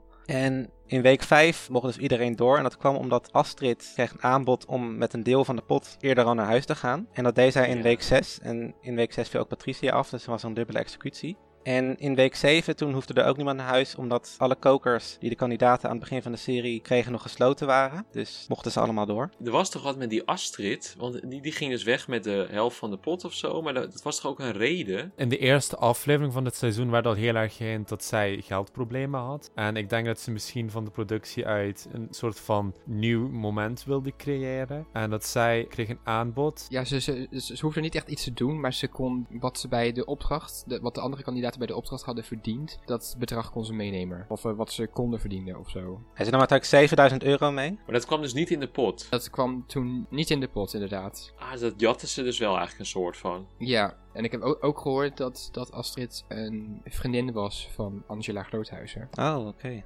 Oh. Ah, vriendjespolitiek. Oké, dat is interessant. Nee, maar wel een soort van sympathie in de zin van dat zij in geldproblemen zat. En dat ze daarom misschien dachten van, nou ja, weet je, we bieden haar een geldbedrag aan, zodat ze in ieder geval iets heeft. Of ze nou zou winnen of niet. Ja, ik vond dat geen leuk moment persoonlijk. Maar Ik vind het een beetje raar dit. Ik bedoel, het is, het is niet Make-A-Wish eh, Foundation of zo, toch? Nee, ja, dat seizoen had een paar rare momenten. Ook al was het verder gewoon een prima seizoen. Ja. Nou, seizoen 5 hadden ze een speciale regel bij de test wanneer het percentage goed beantwoorde vragen lager zou liggen dan de week ervoor. Zouden er twee kandidaten moeten vertrekken. Moeten vertrekken. Nou, in week 1 betekende dat een groepsvrijstelling. In week 2 ging Gijs Staverman naar huis, maar die kwam later weer terug. Ook omdat in week 3 ging de mol naar huis, Roland Fernand. Nee, die ging, vanwege, die ging vanwege een ziekte het spel uit. Maar goed, uiteindelijk in week 6 kwam dus die regel, werd dus toegepast, waardoor Gijs en Jim allebei naar huis moesten. Dus dat was zeg maar aflevering 1, dat daar echt een groepsvrijstelling was. In seizoen 6 was het aflevering 3, waarin Richard naar huis moest, maar in de week erna kon hij weer terug het spel in. En dat gebeurde ook, want hij werd uit de kooi gehaald. Oh ja, ja. hmm. Toen rende Miluska daar langs, toch? Oh ja, Die alsof ze het niet snapte of zo. ik snap er helemaal niets van, ik ben in paniek. Doei! ja dat is typisch Miluska natuurlijk, in Ja. haar rol. Ehm, in seizoen 7, ook in week 3, moest Paul Rabbering naar huis. En ook hij kreeg de optie om weer terug te komen door een aantal molboekjes te jatten. Dat vond ik trouwens echt een hele leuke manier om weer terug te komen. En dat lukte hem ook. En uiteindelijk won hij het spel zelfs. Dus ehm, Dat is wel kut hoor. de comebacking, jij, vond- jij vond het kut? Ja, ik vind, ik vind het wel leuk als een kandidaat terug... Ik had nu echt gehoopt bij Lakshmi dat ze terug zou komen. Maar ik vind het wel kut als een kandidaat terugkomt en dan wint. Want dan heb ik toch het idee van... Ja, oké, je weet nu wie niet wie de mol is. Of je weet wie niet de mol is. Dus je hebt extra informatie ten opzichte van de andere kandidaten. En dan win je. Dat vind ik toch niet helemaal Ja. eerlijk. Maar goed, hij heeft natuurlijk verder wel gewoon de testen. Dan het- en die optie is hem geboden. En hij heeft de test het beste gemaakt daarna. Dus ja, Ja. dan is het wel gewoon allemaal eerlijk. Maar toch. Ja, ik eh, zie, zie hem inderdaad wel als de slechtste winnaar van Wie is de Mol. Ah, Oké. Hm. Ja, maar ik vond het wel met die molboekjes was wel, eh, vond ik wel leuk gedaan. Want hij kwam toch terug op de veiling of zo? Ja, Natja Ja. die kon hem ook terugkopen of zo. Ja, die had toen nog zo'n leuke, leuke uitspraak van... Ja, Paul die eh, draagt mijn eh, rugzak en die eh, brengt mij drankjes. Er goed gebruik van gemaakt. En toen in week 8, dat was vlak voor de finale, kwam natuurlijk het moment bij de executie dat Karel zei van, dit kan ook anders. En toen eh, kregen we een finale met 4. Mhm. Nou, seizoen 8 was het aflevering 5, waarin Joris Linsen een vrijstelling kreeg. Maar als hij de test als slecht zou maken van iedereen, dan zou er niemand naar huis hoeven. En dat deed hij ook. Alleen in de aflevering daarna viel hij alsnog af. En dit gaan we nog vaker zien. Dat is een soort van vloek die eh, daarop is gaan rusten een tijdje lang. Weten we ook op wie hij het toen heeft ingevuld, die test? Eh, poeh, dat weet ik niet meer eigenlijk. Want had hij het op zichzelf toen ingevuld? Waarschijnlijk wel, denk ik. Want als hij slim was geweest, had hij gewoon volledig op één iemand ingezet. Ja, En dan, als hij een rood scherm kreeg, dan wist hij, oké, die is dus niet de mol. En als, ja, als hij dan, dat was een beetje kut voor de rest, maar dan wist hij wel van, ik zit nu gewoon helemaal goed op de mol. Ik heb de mol gevonden. ja, ik weet niet meer wat hij precies gedaan had. Maar ik denk dat hij volgens mij wel heel netjes op zichzelf dan heeft ingevuld. Ja, dat zou ik misschien ook wel doen hoor, dan in die, in die situatie. Oké, en dan seizoen 9, daar was het aflevering 2. Daar kreeg Aniek een rood scherm, maar ze had een vrijstelling ingezet, dus niemand hoefde naar huis. Dus dat is wel de test gewoon gemaakt en als slechtste. Maar als ze die vrijstelling had ingezet, maakte dat dus niet uit. Toen dacht ik nog steeds dat Aniek de mol was daarna. Terwijl ze een rood scherm had gezien, gewoon letterlijk een rood scherm kreeg. Seizoen 10, daar was het aflevering 6. Daar konden de kandidaten voor 1000 euro per kandidaat konden ze kiezen om een scherm niet te zien. Arjen Lubach was de enige die zijn scherm wel wilde zien en hij kreeg groen. Maar de aflevering daarna viel hij toch weer af. Nou, was er nog wat controversie? Ja, ik weet niet of we mogen inbreken in jouw... eh, Ja, zeker. eh, opsomming. Maar er was toch wat controverse over dat Arjen Lubach daar een groen scherm kreeg. Omdat blijkbaar iedereen op Kim zat behalve Arjen. Dus hij had eigenlijk een rood scherm moeten krijgen. Ja, klopt. Oh, Maar daar is verder geen eh, duidelijkheid over. Nee. Oké. Nee, eigenlijk eh, redelijk wat fans gaan ervan uit dat dat gewoon gerikt was, zeg maar. oh, interessant. Maar waarom zouden ze dat doen voor Arjen Lubach en niet voor Georgina? Ja, maar dat was ook omdat er moest hier waarschijnlijk niemand afvallen, anders kwam het niet uit. En bij Georgina was het gewoon een normale aflevering. Ja, kut zeg. Ja, zo gaan die dingen. Wie is de mol soms kut. Ja, inderdaad. Ja, nou ja. Lekker luchtige podcast. In seizoen 11 waren er 11 afleveringen. Echt? Jazeker. Dat waarschijnlijk omdat seizoen 11, dus we dachten van 11. Net zoals het seizoen 21, 21 afleveringen gaat hebben. Ja. Dit seizoen hebben we 21 afleveringen. Ehm, in aflevering 1 besloot Pepijn, die krijgt de keuze om eh, die had zelf een vrijstelling en hij mocht kiezen of de rest dan ook door mocht of dat ze de test moesten maken. En hij koos ervoor om de hele groep mee te nemen. In aflevering 6 mochten de kandidaten kiezen wie een scherm te zien kregen. En Karen en Soenas werden gelood en kregen een scherm te zien en kregen groen. En Pepijn die koos er zelf voor om zijn scherm te zien en kreeg ook groen. Maar de vloek, volgende aflevering was hij weer weg. Dat is een terugkerend fenomeen. En even kijken. Oh ja, en in aflevering 9, daar hoeft ook niemand naar huis. Toen hadden ze die, die opdracht met de toekomstvragen. Die ze dan naar eigen hand konden zetten. En toen uiteindelijk, zeg maar in de finale, viel Karin de Groot af. Ja. Ehm, ja, in seizoen 12 was het aflevering 4. Daar kregen William en Marit hun scherm niet te zien. En dat had te maken met de onderhandelingen in het Husty-huis, die dus de hele pot kostten. En daardoor hoefde dus niemand naar huis. Dus ja, dat was een duur geintje. Voor Hadewig. Ja. En eh, nou goed, Marit die viel dan alsnog ook de week erna af. Nou, seizoen 13 was het ook aflevering 4. Of tenminste, daar ehm, in aflevering 3 moest Janine al vroegtijdig naar huis vanwege haar ongeluk. En Tim moest die aflevering ook naar huis, maar die kwam de volgende week weer terug. En toen kwam er dus die, die twist met die, eh, met die kaarten, die groene en rode kaarten. Waarin elke kandidaat zo'n kaart kreeg. En als ze groen kregen, dan mochten ze iemand kiezen die zijn scherm niet hoefde te zien. En als ze rood kregen, dan moesten ze iemand kiezen die zijn of haar scherm wel zag. En uiteindelijk Kees, de mol, was de enige die eh, zijn scherm hoefde te zien. En dat was natuurlijk groen. Deze dat in 2020 toen weer? Dit? Eh jazeker, dat was een, een callback naar dat seizoen. Oké. Dan komen we bij seizoen 14. Daar waren het aflevering 3 en 7. Suzanne die zette na Jan Willems scherm. eh, of Jan Willem die kreeg als enige zijn scherm te zien in week 7. En daarna besloot Suzanne om de groepsvrijstelling in te zetten. En natuurlijk de vloek, dus Jan Willem viel de week daarna af. Good. En Tycho die viel zeg maar halverwege de finale af. En eigenlijk seizoen 15 was exact hetzelfde. Ook aflevering 3 en 7. In 3 gunde niemand Carolina een vrijstelling. Dus zij moest als enige haar scherm zien en dat was groen. Maar ze heeft wel de vloek opgegeven.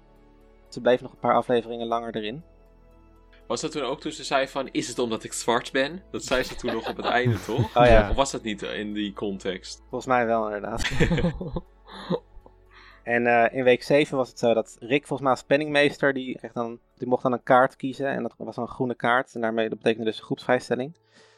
En Chris die ging ook weer tijdens de finale naar huis. Dus net als Tigo in het seizoen daarvoor. Eh, gaan we naar seizoen 16. Daar was het aflevering 1 al. Daar had je die opdracht met die reuze Topito. Die ze moesten slepen. Oh ja, ja. En daar konden kandidaten dus zeg maar, de optie mee winnen om niet een scherm te hoeven zien. En uiteindelijk hoefde alleen Annemieke, Klaas en Rob een scherm te zien. En die hadden allemaal groen. In seizoen 17 was het weer aflevering 6. Immanuelle haalde het meeste geld binnen en hoefde haar scherm te zien. Er mochten ook twee kandidaten kiezen die hun scherm ook niet te zien kregen. Uiteindelijk moesten alleen Sanne en Thomas kregen een scherm te zien en die hadden beide groen. En Diederik's scherm werd pas in de finale getoond. Dus eigenlijk zou je kunnen zeggen, in week 8 hoefde er ook niemand naar huis, maar het telt niet helemaal. Oh ja. Dan gaan we naar seizoen 18. Daar was aflevering 6 bij de opdracht met eh, de bordjes die ze konden omdraaien. Waarbij uiteindelijk Simone als enige haar scherm moest zien en dat was groen. seizoen 19, ja, daar was het aflevering 1 en 6 en ja, een soort van 3. Ehm, in aflevering 1 was het zo dat sommige mensen een scherm niet hoefden te zien. En Evie was er één van. En zij bleek dus uiteindelijk dat ze de test als slecht had gemaakt. Dus niemand hoefde naar huis. En bij aflevering 3 was het zo dat de uitslag van de executie werd pas in week 4 getoond. Toen moest Nicky naar huis. En, ehm, en in 2019 nog een week 6. Toen ging ook niemand naar huis. En toen in week 7 bij de roulette opdracht werd er een kaart getrokken waardoor er een dubbele executie kwam. En toen moesten Rick, Paul en Jamie naar huis. En dan komen we bij seizoen 20. Seizoen 20. Daar waren het aflevering 4 en 7. In aflevering 4 kreeg de groep de keuze voor een groepsvrijstelling en dat deden ze. En anders dan zou Leonie zijn afgevallen, want die had toen de test het slechtst gemaakt. En in aflevering 7 was dus die, uh, die kaartjes executie twist weer aanwezig. En alleen Buddy en Nathan kregen toen een scherm te zien en dat was groen. En toen werd ook weer de finale met 4 gespeeld. En uh, nou, tot slot in de jubileumseizoen. Nou ja, dat je natuurlijk aflevering 5, waarin de kandidaten zeg maar de opdracht kregen om een executie te vermijden, maar dat lukte niet. En uh, toen moesten Ron en Patrick allebei in week 6 naar huis. Ja, en wat kunnen we hier eigenlijk uit concluderen voor dit seizoen? Ja, Tigo. Ja, zeg het eens. Ja, nou. We hangen aan je lippen. Als je naar alle seizoenen kijkt, wat je dus kan concluderen is dat altijd het is altijd aflevering 6 of eerder dat er iemand niet naar huis hoefde. Dus op basis daarvan zou je kunnen zeggen dat sowieso volgende week niemand naar huis gaat. Want anders dan zou er dus een record worden verbroken van hoe lang mensen in het spel blijven. Dus ja, dat is mijn conclusie eigenlijk. Volgende week gaat er niemand naar huis. Ja, dat denk ik eigenlijk ook omdat we in de vooruitblik hebben we geen executie gezien en geen scherm. Terwijl je vaak dat in de vooruitblik wel ziet. Ik hoop het, want ik vind eigenlijk hoe later het komt, hoe minder leuk het wordt. Ja. Want dan heb je al zo'n kleine groep en dan boeit het niet zo heel erg als die groep dan nog een week doorgaat. Want ja, die ken je dan toch al heel goed en ja, ik heb liever altijd een beetje aan het begin.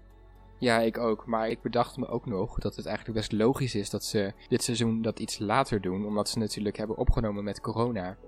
En dat je dan zo snel mogelijk een kleinere bubbel wil hebben omdat je met minder mensen minder risico hebt. Ja, of inderdaad van dat ze tijdens het seizoen dachten van... Oké, de kans is best wel groot dat iemand straks ineens corona heeft of zo. En dan moet diegene vroegtijdig naar huis. Dus dat, uh, die optie laten we eventjes open.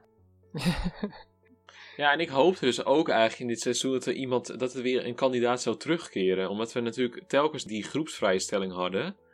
En het, uh, toen viel Lakshmi af. Toen dacht ik van ja, nu gaat het komen in aflevering 5.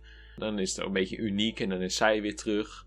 Maar uh, het moet volgende week dan maar gebeuren, denk ik. Dat er niemand afvalt. Ja. Ja, maar als je ook weer denkt aan corona, dan zou het eigenlijk het meest logisch zijn als er in dit seizoen geen aflevering zit waarbij iemand niet naar huis gaat. Ja, maar hoe gaan ze dan doen met die tien afleveringen, Lars? Vertel ons dat. Zijn er al tien afleveringen dan? Ja. Nou, dus er komen tien afleveringen. Oh. Oké, ik heb niks gezegd.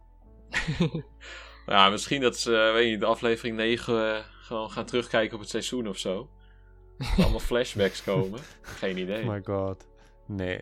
Jurken passen als het weer een vrouwenfinale is natuurlijk. Ja. Ah, dat zou kunnen, ja. Of nou ja, pakken passen kan ook, want Splinter heeft wat van die mooie pakken. Dus die kan misschien ook pakken gaan passen. Ja, die zit nu met alle vrouwen nog over. Alleen maar vrouwen. Ja, die weet daar wel raad mee hoor, die Splinter. Als uh, best geklede man. Nou, dan gaan we maar naar de hints van Jan, de hintman. Ja, dat lijkt me een goed moment, Tigo. Bedankt voor jouw uh, terugblik. We hebben nu al wat meer inzichten in dat volgende week dus niemand gaat afvallen. Yes. Maar goed, ik heb dus weer een lijstje met hints. Ze zijn, ja, ik vind ze eigenlijk niet zo heel goed, maar... Uh... nou, nou, bedankt voor de... Laten we weer beginnen met de afleveringstitel. Die was natuurlijk tot drie tellen. En die zou dus op Rocky kunnen slaan. Omdat op het moment bij opdracht 2 dat ze allemaal geboden hebben. En dan roept Rick Marije, Charlotte en Rocky weer bij zich. Dan wordt Rocky als derde in de kamer geroepen. Dus de derde persoon tot drie tellen. Maar dat kun je ook weer interpreteren als het op Splinter slaat. Omdat Joshua en René al daar een biertje zaten te drinken. Toen kwam Splinter daar als derde persoon bij. Dus wat denken jullie hiervan? Ja, ik vond het eigenlijk wel grappig dat het top 3 tellen een beetje sloeg op het advies voor de kijkers voor deze aflevering. Gezien de intense backlash. Oh ja. Was je agressief? Nou, er waren best wel wat mensen boos eigenlijk. Niet alleen omdat Joshua van veel mensen best wel een favoriet was. En dat hij nu op een, nou ja, enigszins oneerlijke manier naar huis gaat. Mhm. En ja, met de twist en de opdrachten, ja, het was allemaal niet heel denderend. Maar was dat in het jubileum... Ja, niet dat het het niets hiervan afdoet, maar in het jubileumseizoen had je natuurlijk de Elba-opdracht. Toen hadden Tigo en Nicky een vrijstelling. Jeroen zat toen bij dat groepje, dus de mol zat toen bij het groepje van vier. Dat was een dubbele executie. Dus dan vielen er twee af. Dus je had toen eigenlijk 67% kans afgerond om af te vallen. Dat was eigenlijk ook heel oneerlijk. Soort Ja, van. maar daar waren mensen ook boos over. Oh, oké. Nou, dat is me toen niet zo opgevallen, maar... eh, Ik vond dat toen bij die eerste aflevering van 2018. ehm, stel nou dat. dat kijk, je had dat groepje van Jan en Ja. Jean-Marc. Ron. Ja, maar Oh nee, sorry, Jean-Marc, ja. stel nou dat Ron en Loes wel gewoon hun, eh, hun scherm niet hoeven te zien. Dan had je dus alleen maar Jan en Jean-Marc. Maar dan zou Jean-Marc dus sowieso afvallen, wat hij ook deed. Ja. Dat was beter geweest. Ja, vond ik misschien achteraf niet erg, maar toch. Ja, maar dat is eigenlijk ook wel zeg maar, wat mensen nu als argument soms gebruiken. Van ja, de mol moet zitten in het groepje van de vrijstellingen. Omdat je anders een oneerlijke kans hebt voor die andere twee kandidaten. Maar als je Ja. terugkijkt, is het dus echt wel twee keer zo gebeurd dat de mol inderdaad bij de groep zit. Waarbij het nog oneerlijker wordt eigenlijk voor de andere kandidaten. Ja, ik vind op zich gewoon, zolang je wel een tegenspeler hebt. Het is natuurlijk wel. Het is niet helemaal eerlijk, maar dan heb je in ieder geval nog een kans. Mhm. Ja, Maar je moet natuurlijk niet één op één tegen de mol zitten, want dan ben je gewoon. Ja, dan lig je er gewoon al sowieso uit. Ja. Nee, en het was natuurlijk op zich bij beide gevallen was het dan wel iets anders. Want bij Jeroen was het wel specifiek dat hij in die Elba-opdracht moest zitten. Ook omdat hij daar het beste kon mollen. Ik bedoel, als hij in die kooi had gezeten, had hij basically niks kunnen doen. Ehm, en bij Jan was het wel echt zo dat het gewoon per ongeluk ging. Dat het door de verschrikkelijke taxis was dat ze uiteindelijk te laat aankwamen bij hun eh, eindbestemming. En dat ze daardoor geen vrijstelling hadden. Ja, maar ik vind wel dat hij gewoon een goed punt heeft. Want in principe was Jean-Marc een soort van gedoemd. Omdat hij bij de mol zat. Dus mocht het fout gaan. Ja, En ze waren de enige. Ik vind dat Jan dan in de tweede aflevering hem terug had gehaald. Dat zou kunnen. Oh ja, dat had je natuurlijk. Ja. ja. Oké, maar goed. Dat was dus die hint. Dus hartstikke leuk. Er is nog een andere hint die ook op de afleveringstitel slaat. En die vind ik wel wat leuker. Het was dus tot drie tellen. En als je dus het maximumbedrag van wat ze konden verdienen bij opdracht 3, dat was 1800 euro. Als je dat deelt door 3, krijg je 600 euro. En wie bood 600 euro? Splinter Chabot. Splinter Chabot. Dus is dat een Ah. hint naar Splinter Chabot? Ja, dat is helemaal bevestigend op onze, onze tunnel. Dus ja, natuurlijk is dit een hint. Ja. Lars, wat denk jij ervan? Of Tigo? Ze allebei. Laat het weten. Tja, het kan, maar het is een beetje simpel. Ja, nou ja, soms zijn de hints, dan zeggen jullie van dat hij te moeilijk is. En nu is het een hele simpele hint. Dat is ook weer niet goed. Ja, kom op Lars, brand hem helemaal af als een echte Daan. Ja, Nou, ik heb die negativiteit niet, dus dat lukt me niet. Maar ehm, ja, gelukkig weet Daan mij buiten de podcast wel af te branden. Dus dat komt wel in orde. ja, die sluit wel in je DM's. Ja. Ja, precies. Hoewel die meer discussie met Dennis had. Oké. Maar Daan zat op Lakshmi, toch? Ja, Daan, maar ik, ja, oké. Ik vind het een beetje sneu om daar nu te gaan lopen bashen. Ja, laten we dit eruit knippen. Hij roept het ook wel een beetje op zichzelf af voor Daan. Ik bedoel, als je zo echt intens over iemand gaat zeggen van ja, die is de mol. En als je iedereen die het niet op die mol zit, heeft het fout. En allemaal, nou goed, laten we daar nu niet te veel, eh, anders heb ik straks ruzie met Daan. Dat wil ik ook niet. Ehm, verder met de hints. Opdracht 1, die heette Wie, Wat, Waar. En dat zijn hele belangrijke vragen in de journalistiek. Wie is een journalist? Charlotte. Charlotte is de mol. Dat zijn hele belangrijke. Oké, ja, nou ja. Ja, ja. Ja, zullen we gewoon doorgaan? Of, eh? ja, dat is weer een soort van een opdrachttitel. Dus een, ja, die hebben ze volgens mij gewoon eerder bedacht dan dat ze kandidaten hadden. Dus, of dat ze de mol hadden bepaald. Dus dat, dat ja, nee. Nou, ik weet niet, Benno Mentveld, eh, wanneer worden de opdrachttitels bedacht? Ehm, nou, die opdrachttitels die bedenken we meestal gewoon achteraf. Dus dan weten we inderdaad al wie de mol is. Het zou zomaar een hint kunnen zijn, inderdaad. Ja. Ja, dus toch wel, Dennis. We horen het nu van de expert. Oké, oké. Oké, verder nog eentje. Ja, die is niet zo heel serieus. Die noem ik gewoon. En ik denk van, we gaan meteen door met de volgende hint. René, die droeg bij de executie een rode trui. Waarop 5K stond. Maar eigenlijk stond volgens mij skiën op. Maar net haar jas bedekte net dat, waardoor er 5K stond. Dus wist zij dat er 5000 euro werd geboden bij de biedingen. Dus blijkbaar had zij haar koffer ingepakt met dat ze al wist dat mensen 5000 euro gingen bieden. In opdracht 2. Ja, ga door. Goed, ga door. Dit is nog even een, eh, een hint over de vorige aflevering, aflevering 4. Bij opdracht 2, ik, zit nou even te denken, heb ik die nou behandeld of niet? Nou goed, als dat wel zo is, dan moeten we inspringen. Die heette Fotogeniek, dat was toen ze die foto's moesten maken. En eh, dat Marije en Charlotte toen moesten raden. Ja. Toen, toen Rick die opdracht aan het uitleggen was, toen reed er een tram voorbij op de achtergrond. En daar stond een foto op van een man met een bril. En die leek verdacht veel op Splinter.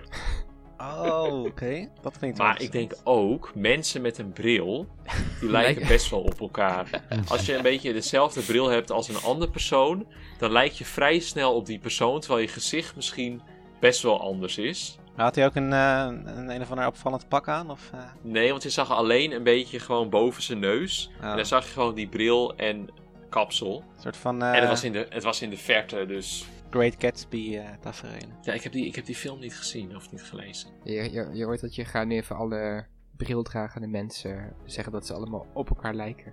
Nou, ik lijk wel op Splinter met mijn bril. Ja, maar dit is toch geen belediging dit? Ofwel, is het weer een belediging? nee, toch? Ja, maar ik, ik, vind het wel, ik vind het wel echt een goed idee voor een hint. Dat je gewoon op een random moment dat er ineens een tram voorbij komt waarop gewoon een foto van de mol staat. Dat zou ik wel gewoon cool vinden. Ja, want de mol is ook nog niet achter iemand langs gelopen. Ik bedoel, dat was de Ah. laatste jaren wel een beetje de trend. Eh, natuurlijk met Jeroen die achter ze langs liep. Merel die dat blokje van Jenga van... Oh, ik ben de mol. haha." en Jan Versteeg die achterlangs liep. Dus de laatste jaren doen ze dat... Misschien na dat, ju- na dat jubileumseizoen dat mensen daar misschien wel wat bewuster van zijn of zo. Dat ze dat niet, niet snel weer Ja, zo duidelijk Ja, zouden maar dan kan je... Ja, en het is ook fout gegaan hè, met, eh, met, met Nicky toen. Dat ze Ja. achterom keek, dus... Ja, nou, ik, vond, ik vond het gewoon wel leuk. Dus eh, ik Ja, wou maar- hem gewoon even noemen. Ik zat nog even te denken over die afleveringstitel. Misschien zijn Rocky, Marije en Charlotte wel alle drie de mol. Dat ze alle drie voor 5000 gingen. Ja, zou, zou er een trio-mol zijn Ja. dit seizoen? Seizoen Aanwijzing. 21. 21 gedeeld door 3 is 7. Seizoen 7 Ja. had je een, een, een, eh, een finale met 4. Was ook anders dan anders. Dus nu heb je drie mollen. En die heeft gewoon een finale met drie en die blijken dan alle drie de mol te zijn. Zoals eh, Tania zou zeggen, aanwijzing. Drie mollen dit seizoen. Yes, sowieso. Precies. Oké, verder nog opdracht 3 in de trein. Toen hadden ze natuurlijk die, dat, dat bord met allemaal plaatsnamen. Eén van die. Nee, niet. Dat was niet op het bord, maar dat was met volgens mij de tijdstippen of zo. Eén van die plaatsnamen was Roki Chani. Ik hoop dat ik het Tsjechisch goed uitspreek. En dat hebben ze dus, dat hebben dus de, de producers hebben zelf die natuurlijk die namen uitgekozen van plaatsen. Er staat dus Roki Chani tussen. Roki, Rocky, Rocky is Ro- Rocky de Mol. Wat- Eh, Wat is Ch- Chani dan? Nee, maar zo heet die, pla die plaatsnaam is gewoon Ro Rocky Chani. Rocky Chan. Maar er zit dus, zit dus het woordje eh, wat een beetje als Rocky klinkt in. Waarschijnlijk, waarschijnlijk spreek je het uit als, als, als eh, Roski of zo. Nee, nee, ik heb het nog opgezocht, Oh. want je, je schrijft het als Roki Kani. Maar als je, ik heb het even op Google Translate en in het Tsjechisch is het een beetje Roki Chani. Oké. Dit is echt een accent, dat klinkt eerder alsof ik uit Friesland kom. Maar... Kom je toch ook? nee. West-Friesland. Nee, dat niet eens. Ik kom Ja. uit het noorden van Noord-Holland. Goed, eh, dat interesseert niemand. Maar hebben we daar verder nog opmerkingen over? Nee, doe maar niet. Nee, maar ik vind dat, Oké. kijk, als ze nou, ja, er is ook weer zo, zo random van, ja, er stond ergens een plaatsnaam op dat ding en dat, als je het uitspreekt, dan klinkt het een klein beetje als Rocky. Ah, hint. Ja, maar het kan wel dat dus gewoon de makers gewoon de naam van de mol ergens gewoon in verwerkt hebben. Of in ieder geval dan een plaatsnaam gekozen hebben waar die naam een beetje in zit. Dat is een beetje als een easter egg Ja. ergens. Ja, dat doen ze Het meestal heb je toch dan dat, dat de naam ook zeg maar verbonden is aan iets, iets mol, zeg maar. Of iets wat wijst zeg maar dat die kandidaat ook echt een mol is. En nu is het gewoon een soort van random een naam in een opdracht. Ja, oké. Ja, hij heeft nog niemand, nog niemand een splinter gekregen in het seizoen. Nee, Dat- ja misschien, ja, misschien gaan we dat in de aflevering 10 zien. Van dat Charlotte helemaal zit van... Oh nee, ik heb een enorme splinter in mijn vinger. Ik bedoel, dat zou ik... ik weet het niet.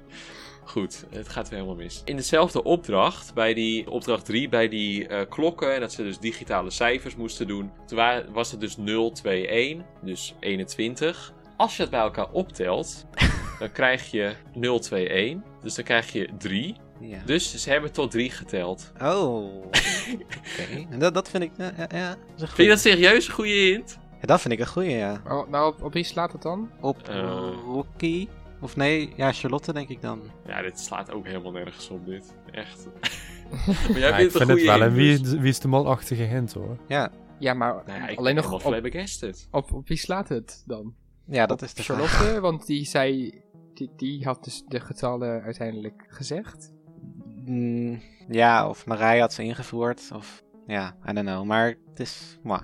Ik vind, ik vind het in ieder geval wel iets wat ze dan. waar de titel naar zou kunnen verwijzen. van dat optellen, omdat je dat niet zo meteen bedenkt. Maar Ah, Oké, ik had het niet zo verwacht, maar ik, ik snap wel, wel jullie punt. Dan, dat waren dus een beetje de, hebben we nog de hints van, de wie is, van het wieisdemol.com forum. Dus ik zou ook echt, dat zeg ik elke week tegen de mensen, ga naar wieisdemol.com slash forum en kijk daar in het hints topic en andere topics die heel leuk zijn. Daar zegt, zegt Ant, E-D-A-N-T, Ed Ant, Ant, ik weet niet hoe je het uitspreekt. Die zegt dat als Charlotte die vrijstellingen uitdeelt bij opdracht 3, dan zegt ze, heeft ze dus die vrijstellingen. Dan zegt ze één voor jou. Geeft ze aan Marije. Ge- Geeft ze er één aan Rocky. Zegt ze één voor jou. Dan pakt ze de laatste voor haarzelf. En dan zegt ze niets. Dus dan heeft ze tot drie geteld. Dus niet tot en met drie. Maar Ah. tot drie. Want ze zegt één. één. Dat is twee. ja. En dan de derde noemt ze niet. Dus dan heeft ze tot drie. Oftewel tot en met twee. Ja, dit is ook weer... Ik denk Nee, van, ik, eh, ja, ik vind het ook wel een goeie eigenlijk. Echt bij, bij de hints dat ik denk van dit is helemaal niks. Dan zit jij helemaal van, dat zijn goede hints. Ja, maar ja, ik bedoel. Nou ja, ik, ik weet niet of het echt een hele goeie is. maar wel gewoon. Het zou kunnen, ja. Dus, Tycho houdt van obscure dingen. Nou, maar ik ben het Ja. wel met Tycho eens eerlijk gezegd. Ik vind het echt wie is de mol-achtige hints meer. Dat, meer dan de vorige hints die je zei.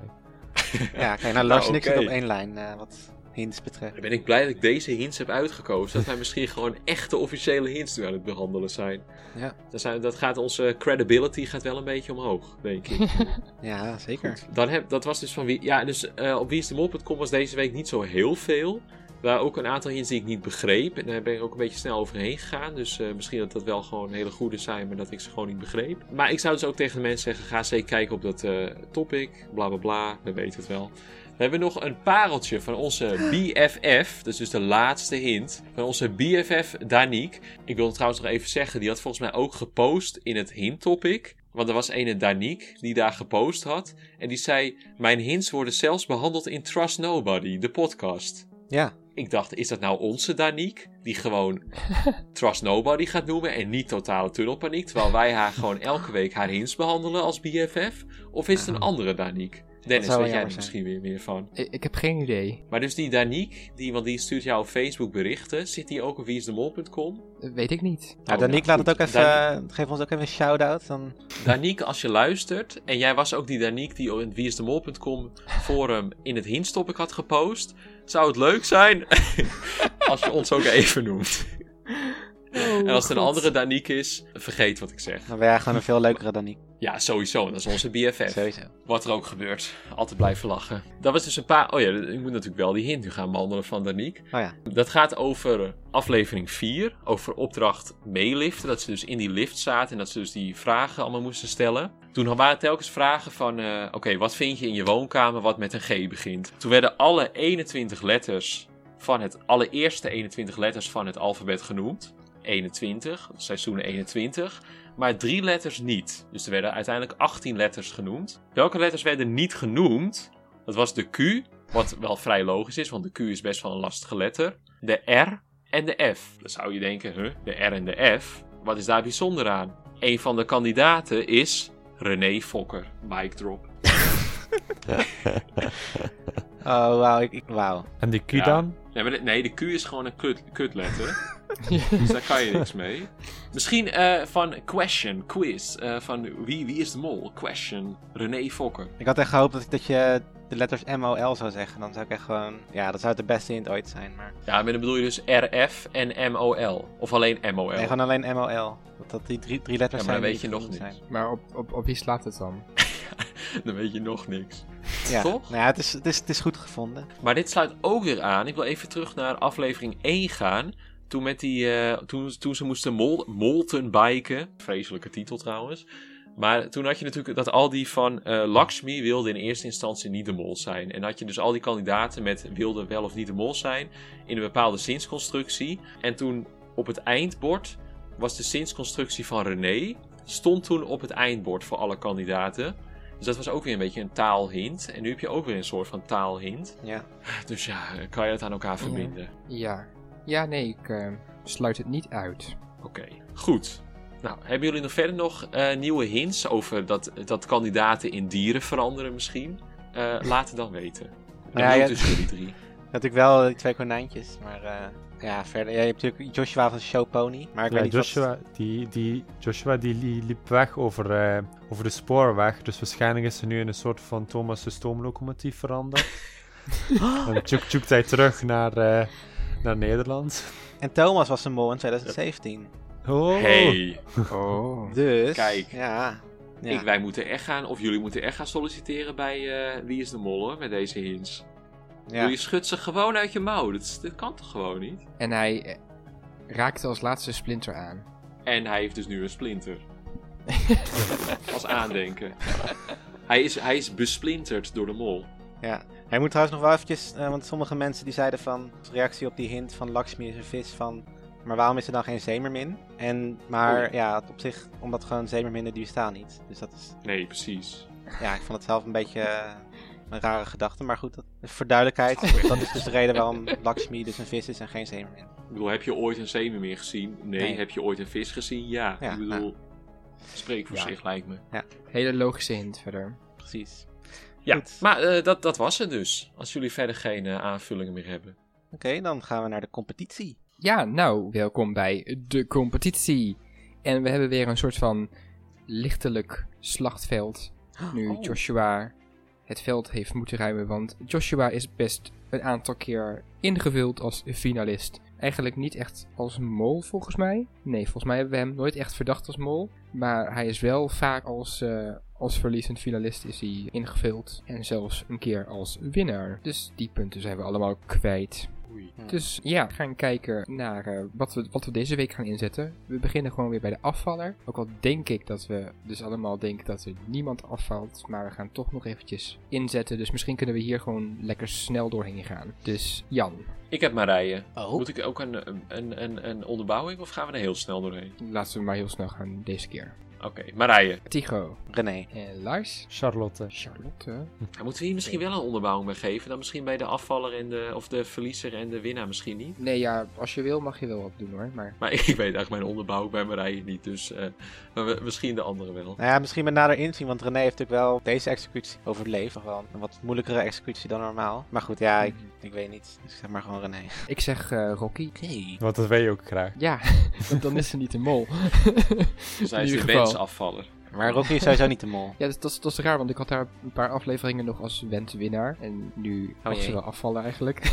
Oké. Oké, nou laten we doorgaan naar de verliezer. Lars, wie denk je dat er gaat verliezen? Marije. Oké, en waarom? Ik heb er geen specifieke reden voor.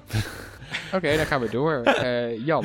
Rocky. En dat, dat, dat heb ik omdat, ja, er zijn nog maar vijf mensen. Dus de afvaller is Marije. Dan heb ik nog winnaar en mol. Dan blijft, ja, een beetje gewoon zo ingevuld. Er is niet echt een onderbouwing voor. De onderbouwing komt meer bij, door de onderbouwing die ik heb bij de winnaar en de mol, denk ik. Ja, oké. Tycho? Nou ja, wat ik wel interessant vind is dat ze ook wel, dat Splinter en Joshua het erover hadden, dat zij dachten dat Marije ging afvallen. Zou dat misschien betekenen dat zij weten dat Marije ook op René zit of zo? Maar goed, ja. Nee, want Dat- ze dachten dat Marije op eh, Joshua zat. Dat was het Dat is wat ik Ja. eruit Oh, snapte. zo, ja.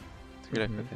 Verliest finalist. Ehm, ja, volgens mij moeten sowieso een aantal kandidaten nu op zoek naar een nieuwe mol. Nou ja, ik zeg Marije. Oké, ik zeg dat René de verliezende finalist wordt. Oké. Omdat ik inderdaad toch wel impressed was, ook nu dat zij ook dit heeft overleefd. Dat Ja. ik denk van nou, misschien kan ze het toch nog wel tot de finale halen. Dat ze dan... Misschien is eh, ze toch wel capabel. Ja.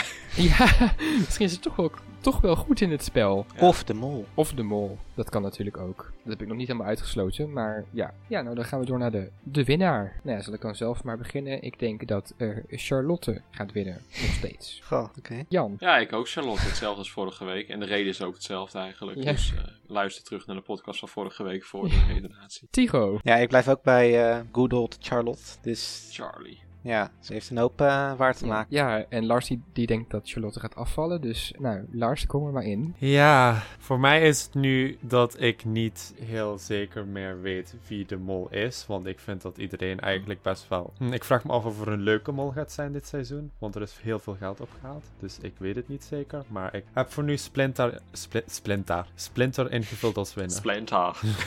ik was winnaar en Splinter door elkaar aan het halen. Eh, Splinter. Oké, dan gaan we naar de vraag van het programma.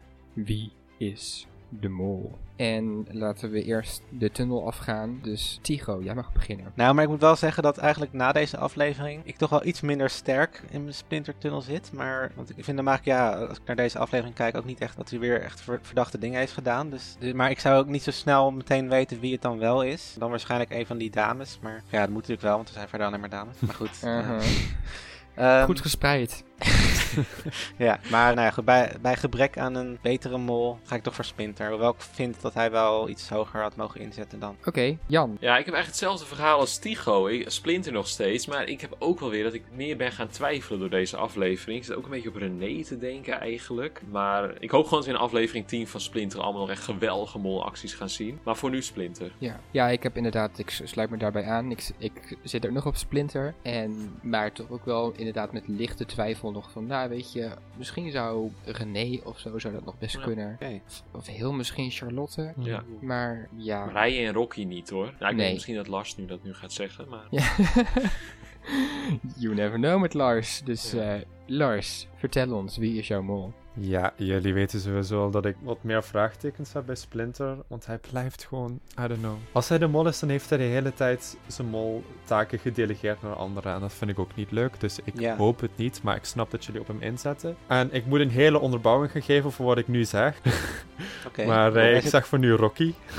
Nee. Rolla, hoezo? Vertel! Nou, eigenlijk is het als ik terugkijk naar wat ik ook in, de, in mijn redeneringen van de vorige afleveringen. En het feit dat er nu inderdaad een soort van Hufty House Light is geweest, deze aflevering. Ja, vind ik toch wel dat Rocky dingen op een bepaalde manier heeft gedaan waarvan ik denk dat zou de mol zo doen. Dus bijvoorbeeld in de eerste aflevering niet op het aanbod van de Joker ingaan en dan vervolgens toch geld de- Joker daarna wel accepteren, zodat je wat onverdachter lijkt. Samen met Splinter in die escape room. Ja, zij was de eerste die een vraag fout invulde van die twee en daarna vulde Splinter ja ook wel vragen fout in, maar dat was eigenlijk zij was ermee begonnen en ik heb een beetje het idee van als je de mol bent dan ja begin je daarmee. En ja, dan heb je inderdaad wel een moment van de vrijstelling, dus je- hmm, het is inderdaad het is geen sterke verdenking, maar ja, ik bedoel dan de vrijstelling met, eh, met, met het upside dan. Ja. Maar ja, ik vind toch, ik, nu inderdaad dat... En ook omdat ik echt niet weet wie het dan wel zou zijn, want Splinter... Dan heb je weer, net zoals met de vorige aflevering, dat hij Marije en Charlotte daar neerzet bij het aanwijzen. Ik vind het echt... Ik heb nog dit nooit zo in een seizoen gehad dat ik zo laat zo onzeker ben over wie de mol kan zijn. Ja, maar het was natuurlijk bij, bij Splinter, ik bedoel, dat is wel zijn enige echte actie waarop we nu zeggen van, nou, dat is echt eh, een beetje raar. Maar nou, wat heeft hij dan natuurlijk- gedaan dat echt een flinke molactie is dan? ja, ook bij dat met die Robinson. Hij heeft niet per se flinke molacties gedaan, maar wel mogelijk veel subtiele acties. En hij is vrij op de achtergrond, wat, ook wel, wat je wel vaker ziet bij mollen. Hmm. Nou ja, hij wil natuurlijk dat, dat, dat de kandidaten een beetje verliefd op hem worden. Dat zijn ze ook wel een beetje, denk ik. Want hij wordt ook niet echt verdacht. Ja. Alleen door Charlotte een beetje, dacht ik. Ja, Ja, maar het is ook, wat ook inderdaad is, is dat Erik, die zat op hem. Dus eh, Erik, die zat op hem in de eerste aflevering en in de tweede aflevering. Maar hoe zeker is dat? Dat is vrij zeker, want dat herhaalt hij ook nog in de podcast en in, de, eh, in zijn... In zijn dagboek weet ik niet zeker, maar wel in de podcast. Dus het is ook nog, Maar- ja, dan hangt het ervan af in hoeverre hij die test goed heeft ingevuld. Maar ik kan me niet voorstellen dat als je in aflevering 2 genoeg op Splinter invult, dat je dan door Ja, pech er nog uitgaat. Nee. Maar dat, dat, dat mag toch ook helemaal niet dat een afvaller zegt op, op wie die heeft ingezet. Hoezo? Nee, maar hij zei, nee, hoe, de, hoe dat ging is, eh, hij zei in de aflevering zelf van, ik heb op drie personen ingezet en ja, misschien een beetje een vierde. En toen noemde hij drie personen en dat waren Splinter, die, waarop hij ook al in de eerste aflevering had ingevuld. Eh, hij noemde Marije en hij noemde Rock. En ja, in de podcast eh, herhaalde hij daarna ook nog van ja, ik heb op drie personen ingezet en ja, een beetje een vierde was ik aan het twijfelen. Dus hij zei eigenlijk wel ja, toch hetzelfde als wat hij daar zei. Dus het is best wel vrijwel zeker dat hij inderdaad zo heeft ingezet. Maar dan heeft hij dus ook op Rocky ingezet. Dan heeft hij ook op Rocky ingezet. Dus dat, dat, gel- die, dat argument geldt nu ook voor als je Rocky Ja, maar hij zou wel, ik denk wel dat hij meer op Splinter heeft ingezet, omdat hij ook de vorige aflevering op hem zat. Oh. Maar dat is dan wel allemaal speculatie. Ja, dat is speculatie, maar dat is wat we allemaal zijn aan het doen. Is het niet vaker zo geweest dat de eerste afvaller op de mol had ingezet? Dat is inderdaad wel eens geweest. In, Dus het ja. komt best wel vaak voor dat ze, dat ze bij de test zeggen van dat iemand op een bepaald iemand heeft ingezet en dat het uiteindelijk helemaal niet zo is. Want dat heb ik trouwens ook nog niet genoemd. Ik was best wel verbaasd dat er bij deze executie dat toen Joshua afviel, was er weinig verbazing. Terwijl we bij de test elke keer horen dat basically iedereen heeft Joshua op zijn verdachtenlijstje staan. Ja. Maar de, het, het, het was niet alsof, alsof, alsof er nu echt zo'n moment was zoals in seizoen 20 bij eh, Leonie toen ze afviel. Hmm. Ja. Ik bedoel, toen, toen wist je echt zeker dat iedereen ook echt op Leonie zat. En nu heb ik zoiets van, ja, som- sommige mensen hebben hier helemaal geen respons op. Dus zaten ze wel echt op Joshua dan? Of hebben ze dat gewoon ergens een paar keer genoemd en biecht van, ja, hij heeft hier wel verdacht gedaan. ja, dat is wel een goeie. Dus wat dat betreft zou ik zeg maar op die test biechten. Ga ik niet volledig ervan uit dat bijvoorbeeld dus inderdaad Erik op Splinter eruit is gegaan. Ik ga toch nog even Ja. Charlotte in de gaten houden volgende keer. Ja. Hoezo Charlotte? Nou ja, omdat, kijk, Marije en Rocky, daar heb ik echt wel meer redenen van om te denken dat zij het niet zijn. Maar Charlotte, is eigenlijk vooral te maken met die opdracht toen in dat hotel. Dat zij gewoon best wel gewoon goed haar best leek te doen. Maar dat is het ook eigenlijk wel. Die escape rooms? bedoel? Ja, dat inderdaad. Ja, dat is dus gek voor Charlotte, inderdaad. Ja, maar voor de rest zit ik nu eventjes een beetje terug te denken. Want ik, daarvoor was ze wel een van mijn hoofdverdachten. Dus ja. Oh, jouw eerste hoofdverdachte is meestal de mol, net zoals vorig jaar met Jeroen natuurlijk. Ja, precies, maar ze is nooit volgens mij mijn hoofdverdachte geweest. Dat is misschien één, één keertje, maar eerst was dat Marije. En ja, René begint ook weer een beetje terug te komen nu. Dus het is- eigenlijk is het wel irritant dat er volgende week niemand afvalt. maar ja, Tja. daar gaat het toch naar uit. Nou, Tja. dat was het voor de competitie. Oké, spannend. En ehm, hebben wij trouwens iets van, ehm, van ja, ik weet niet, iets op, op, op, op Patreon of zo? Waar, waar mensen, of Facebook of Instagram, dat soort dingen waar mensen ons kunnen bereiken, kunnen steunen? Ja. Oh, vertel. Ja, je kan ons eh, op Patreon kan je ons steunen. We hebben volgende week de Wie is de Mol pub quiz. Dat is op donderdagavond. Dus ja, ja, dus als je nog, ja, als, als de aflevering dan, dan nog voor, daar, daarvoor online staat, dan Het gaat heel krap zijn. meld je joh, nog dat aan. lukt makkelijk. Meld je nog aan. En dat kan dus via Patreon, kan je, kan je je aanmelden. En daar staat ook een link naar de server waarin dit gebeurt op Discord. Leuk. En daarnaast kan je ons natuurlijk altijd op eh, Facebook en Instagram kan je ons bereiken. Voor als je bijvoorbeeld ons wil aankondigen, totale tunnelpaniek. Of als je leuke hints hebt, vragen, suggesties, whatever, call us. of nou ja, Hey. schrijf ons. En als mensen de titel van deze podcast willen inschreeuwen, dan kan dat natuurlijk ook altijd nog. Stuur dat dan naar ons op in een voice clip. En dan, eh, wie weet, horen Ja. we jou de volgende keer wel de podcast openen. Ja, dat zou toch mooi zijn als je dat kunt doen. Dat is toch een droom die uitkomt. Dat lijkt mij heel leuk. Oh, lijkt jou ook heel Mhm. leuk? Nou, misschien moet jij iets insturen dan. Ja, maar ik ben daar niet geschikt voor, denk ik. Ik, Nee, eh, dat- ja. dat wordt helemaal niks. Niet dat Jan al in elke intro eh, zit. Nee, maar- dat is Dennis. Dennis doet dat toch het hele intro? Oh ja. Ja, en dan heb ik uiteindelijk, dan zet ik mijn beste Jan-stem op om dan eh, totale tunnelpaniek te schreeuwen. Ja, dat is eigenlijk mijn echte stem. Gewoon hoe het daar klinkt. Dat is mijn echte stem. Misschien zijn Jan en Dennis wel dezelfde persoon. Wie weet. Oeh, oké. Wie weet. Nou, dat, eh, dat was hem weer voor deze week. Dus dank jullie wel. Jo. En eh, volgende week zien we hoe er ook in Wie is de Mol een complete lockdown komt. En dat ook tot ongeregeldheden kan leiden. En dan zijn wij er natuurlijk weer bij om het erover te hebben. Tot dan! Dag. Doei. Doei!